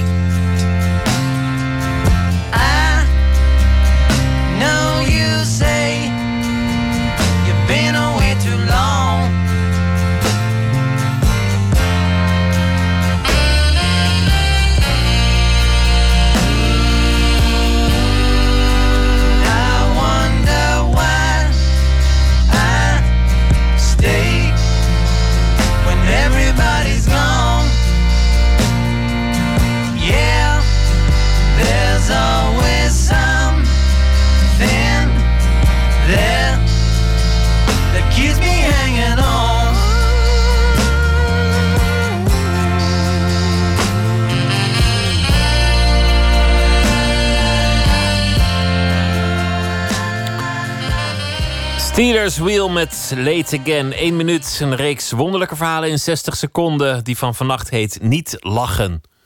Pst, 1 minuut. Zit er niet echt leuk? Kom hij bij jou in het paspoort of krijg je een eigen paspoort? Eigen. paspoort. Nou, dat is een hele belangrijke foto dan, hè? Daar mag je niet op lachen. Dan draait u met de rug naar u toe, ja? En u zet gewoon de voeten op die blauwe voeten. Zelf. Komt-ie. Prima. Klaar. Nou, dat ging goed. Ja, gelukkig. Niet gelachen. Daar gaat het om. Anders mogen we namelijk niet met ons paspoort naar Amerika. Van Amerika mogen we niet lachen. Dat heet eh, terroristenbestrijding. Hoe oud is ze? Eh, zeven weken. Zeven weken. En dan al een eigen paspoort. Nou, het is mooi. Dankjewel. Hey. 1 minuut gemaakt door Joost Wilgenhof.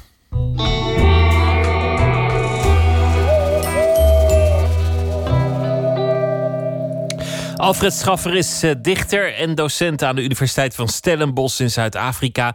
Zijn laatste bundel heet Mens, Dier, Ding. En deze week zal hij elke nacht een verhaal voordragen bij de dag die achter ons ligt. Alfred, goeienacht. Hallo Pieter, goeienacht. Gisteren ging het over de aanstaande droogte daar in Zuid-Afrika. Over eh, de watervoorraden die opraken. Groot nieuws vergeleken met wat ons hier eh, bezighoudt. Wat is het vandaag geworden? Nou, ten eerste, dit is wel heel erg mooi. Terwijl wij nu spreken, hoor ik dat het buiten regent. Het is, eh, het is waarschijnlijk geen zondvloed. Het zal ook over een paar uur weer ophouden waarschijnlijk. Maar het is, eh, het is een heerlijk geluid om eh, eindelijk weer eens wat water te horen vallen uit de lucht. Dus dat is in elk geval positief. Eh, ja, wat mij in, met, met deze opdracht altijd, eh, zo'n week, eh, dat heb ik al eerder gedaan, eh, zo boeit, is dat je dan extra op de kranten, of de verschillen tussen de krant en het nieuws eh, hier in Afrika of Zuid-Afrika gaat letten en in Nederland. Ja, wat kun je met het nieuws eh, vanuit Zuid-Afrika, wat kun je met het nieuws vanuit Nederland? Eh, de hele affaire rond Ben Tichelaar zegt mij bijvoorbeeld helemaal niet is voor mij veel te subtiel. En zo kan ik me ook voorstellen dat er zaken zijn hier in Zuid-Afrika die voor de luisteraar in, Nederland helemaal niet interessant zijn. En juist door het vergelijken eh, kom je toch steeds meer op het, op het, ja, eh, op het beeld dat wat zich in Afrika of in de periferie of in de rest van de wereld afspeelt, in het Westen eigenlijk niet vertelt. Dus wat ik vandaag heb is eigenlijk niet zozeer een verhaal, maar een, een klein beetje van een, eh, een gefrustreerde mening. Ik ben heel benieuwd. Ga je gang. Nu het Europees Parlement heeft besloten de onschendbaarheid van Marie Le Pen op te heffen, kun je wachten op de tegenstemmen die vinden dat de vrijheid van meningsuiting wordt bedreigd door de politieke correctheid. Politieke correctheid, al dus Wikipedia, is een term voor voorzichtig taalgebruik over, of het vermijden van, onderwerpen die politiek gevoelig liggen, om belediging van met name minderheden te voorkomen. Kwesties die bijvoorbeeld betrekking hebben op ras, geslacht, religie, seksuele geaardheid of handicap, worden door middel van zelfcensuur gefilterd om niemand te benadelen. Einde quote. Terwijl het tot voor kort, ondenkbaar was dat iemand kon wegkomen met bijvoorbeeld de bloedserieuze vergelijking tussen biddende moslims en de bezetting van de nazi's tijdens de Tweede Wereldoorlog, moeten we nu vooral onze meningen kunnen uitkotsen, liefst anoniem op de heilig verklaarde social media. Door de bank genomen is het Westen nog steeds een verwende, egoïstische en pedante puber. Zo weten we allemaal dat de eerste militair die sneuvelde in Trumps presidentschap Willem, William Ryan Owens heette, getrouwd met Karen. Wat mij doet denken aan het gedicht 860 van Rodaan Al-Ghalidi. En het gaat als volgt. Dames en heren, goedenavond. Dit is het nieuws van 6 juli. In Irak zijn vanmorgen 860 mensen omgekomen bij verschillende bomaanslagen. En de Amerikaanse soldaat John Smith werd door een kogel geraakt in zijn linkerbeen. De 32-jarige soldaat studeerde in 1999 af aan de Hogere Technische School om daarna het leger in te gaan. Hij is getrouwd met Ashley en heeft twee kinderen, Rosalie van 6 en Keith van 3. Zijn vrouw is lerares op een basisschool. De woordvoerder van het ministerie van Defensie liet weten dat zijn situatie stabiel is en dat de verwachting is dat hij na vijf maanden revalidatie weer zal kunnen lopen. Rafael Nadal is de winnaar geworden van Wimbledon. De 22-jarige Spanjaard versloeg vijfvoudig kampioen Roger Federer in vijf sets 6-4, 6-4, 6-7, 6-7, 9-7. Het is de eerste eindzege van Nadal op Wimbledon. Einde gedicht. Mag William Ryan Owens, een respectvolle, sportieve, vriendelijke jongen uit Illinois, die dapper vocht tegen de barbaren, in vrede rusten. Hij wel. Over de dubbele moraal van het nieuws in het Westen en in de rest van uh, de wereld. Alfred Schaffer, dank je wel en een uh, goede nacht. Graag weer tot morgen. Goedenacht, Pieter. Roberta Fleck met haar uh, beroemdste nummer Killing Me Softly. Drumming my pain with his fingers, singing my life with his words, killing me softly with his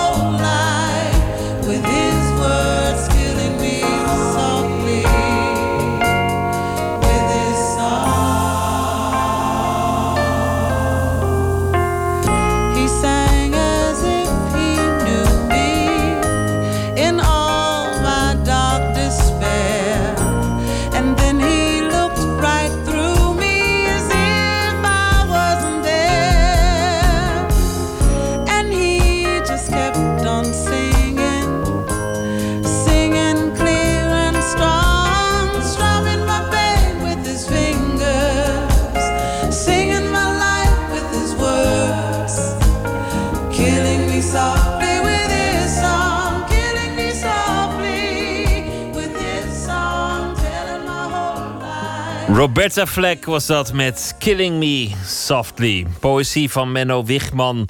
Elke nacht zal hij een gedicht voordragen uit zijn eigen werk. Dit gedicht heet Pijn.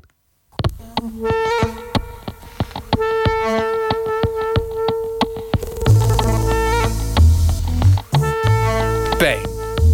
S'nachts slaap ik op een mes. Hoe ik ook vecht, een onbehouden pijn brandt me uiteen. Half drie. Mijn pijn zit tegenover mij.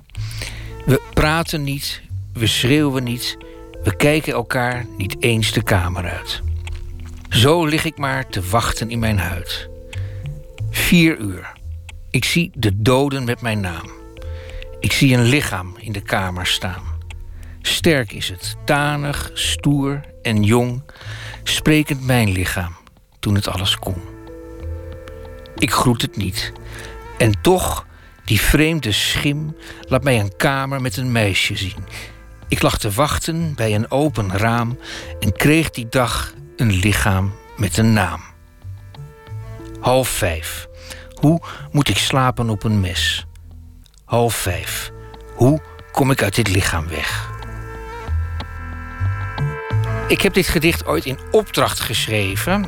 En uh, namelijk voor een uh, symposium voor mensen die leden aan chronische pijn. Ik heb me toen ook zitten verdiepen in dit uh, verschijnsel. Wat ik wel eens vaker merk is dat mijn gedichten meer weten dan ik. Want ehm, er zit toch ook iets autobiografisch bij. En pas veel later bleek dit gedicht eigenlijk helemaal autobiografisch te zijn. Um, nou, wat mij opviel is dat uh, mensen die aan chronische pijn uh, lijden, dat ze heel vaak aan een hevige vorm van insomnia, van slapeloosheid lijden. En uh, dat was voor mij de, het uitgangspunt om dit gedicht te schrijven. En ik heb zelf ook uh, heel erg vaak en heel erg lang aan uh, insomnia geleden.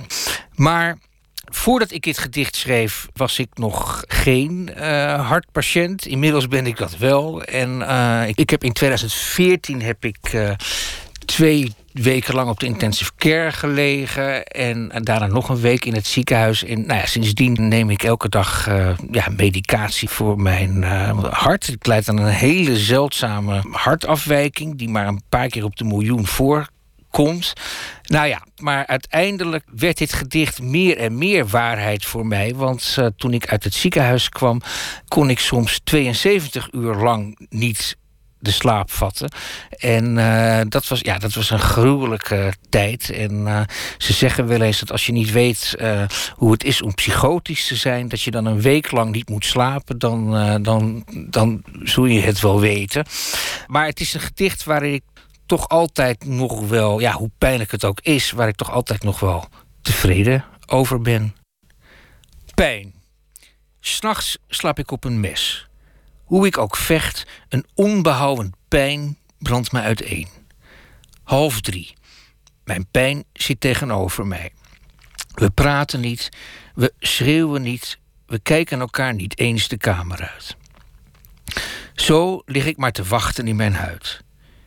Vier uur. Ik zie de doden met mijn naam. Ik zie een lichaam in de kamer staan. Sterk is het, tanig, stoer en jong sprekend mijn lichaam toen het alles kon. Ik groet het niet. En toch, die vreemde schim laat mij een kamer met een meisje zien. Ik lag te wachten bij een open raam en kreeg die dag een lichaam met een naam. Half vijf. Hoe moet ik slapen op een mes? Half vijf. Hoe kom ik uit dit lichaam weg? Menno Wigman met het gedicht Pijn. Morgen in Nooit meer slapen. Dan zit hier Clary Polak. Zij gaat in uh, gesprek met fotograaf Ilvi Nikoki Chen. Haar werk is te zien geweest in NRC Handelsblad, Der Spiegel, Telegraph Magazine en de New York Times. En ze heeft verschillende prijzen gewonnen. En in 2013 was zij de eerste fotograaf des Nederlands, des vaderlands. In uh, 2016 heeft ze het leven van uh, vluchtelingenfamilies in Griekenland vastgelegd. En daarover zal het gesprek morgen gaan met Clary Polak. Voor nu een hele goede nacht. En zometeen op NPO Radio 1 kunt u luisteren naar Astrid de Jong... in haar hoedanigheid van nachtzuster. Goeienacht. Op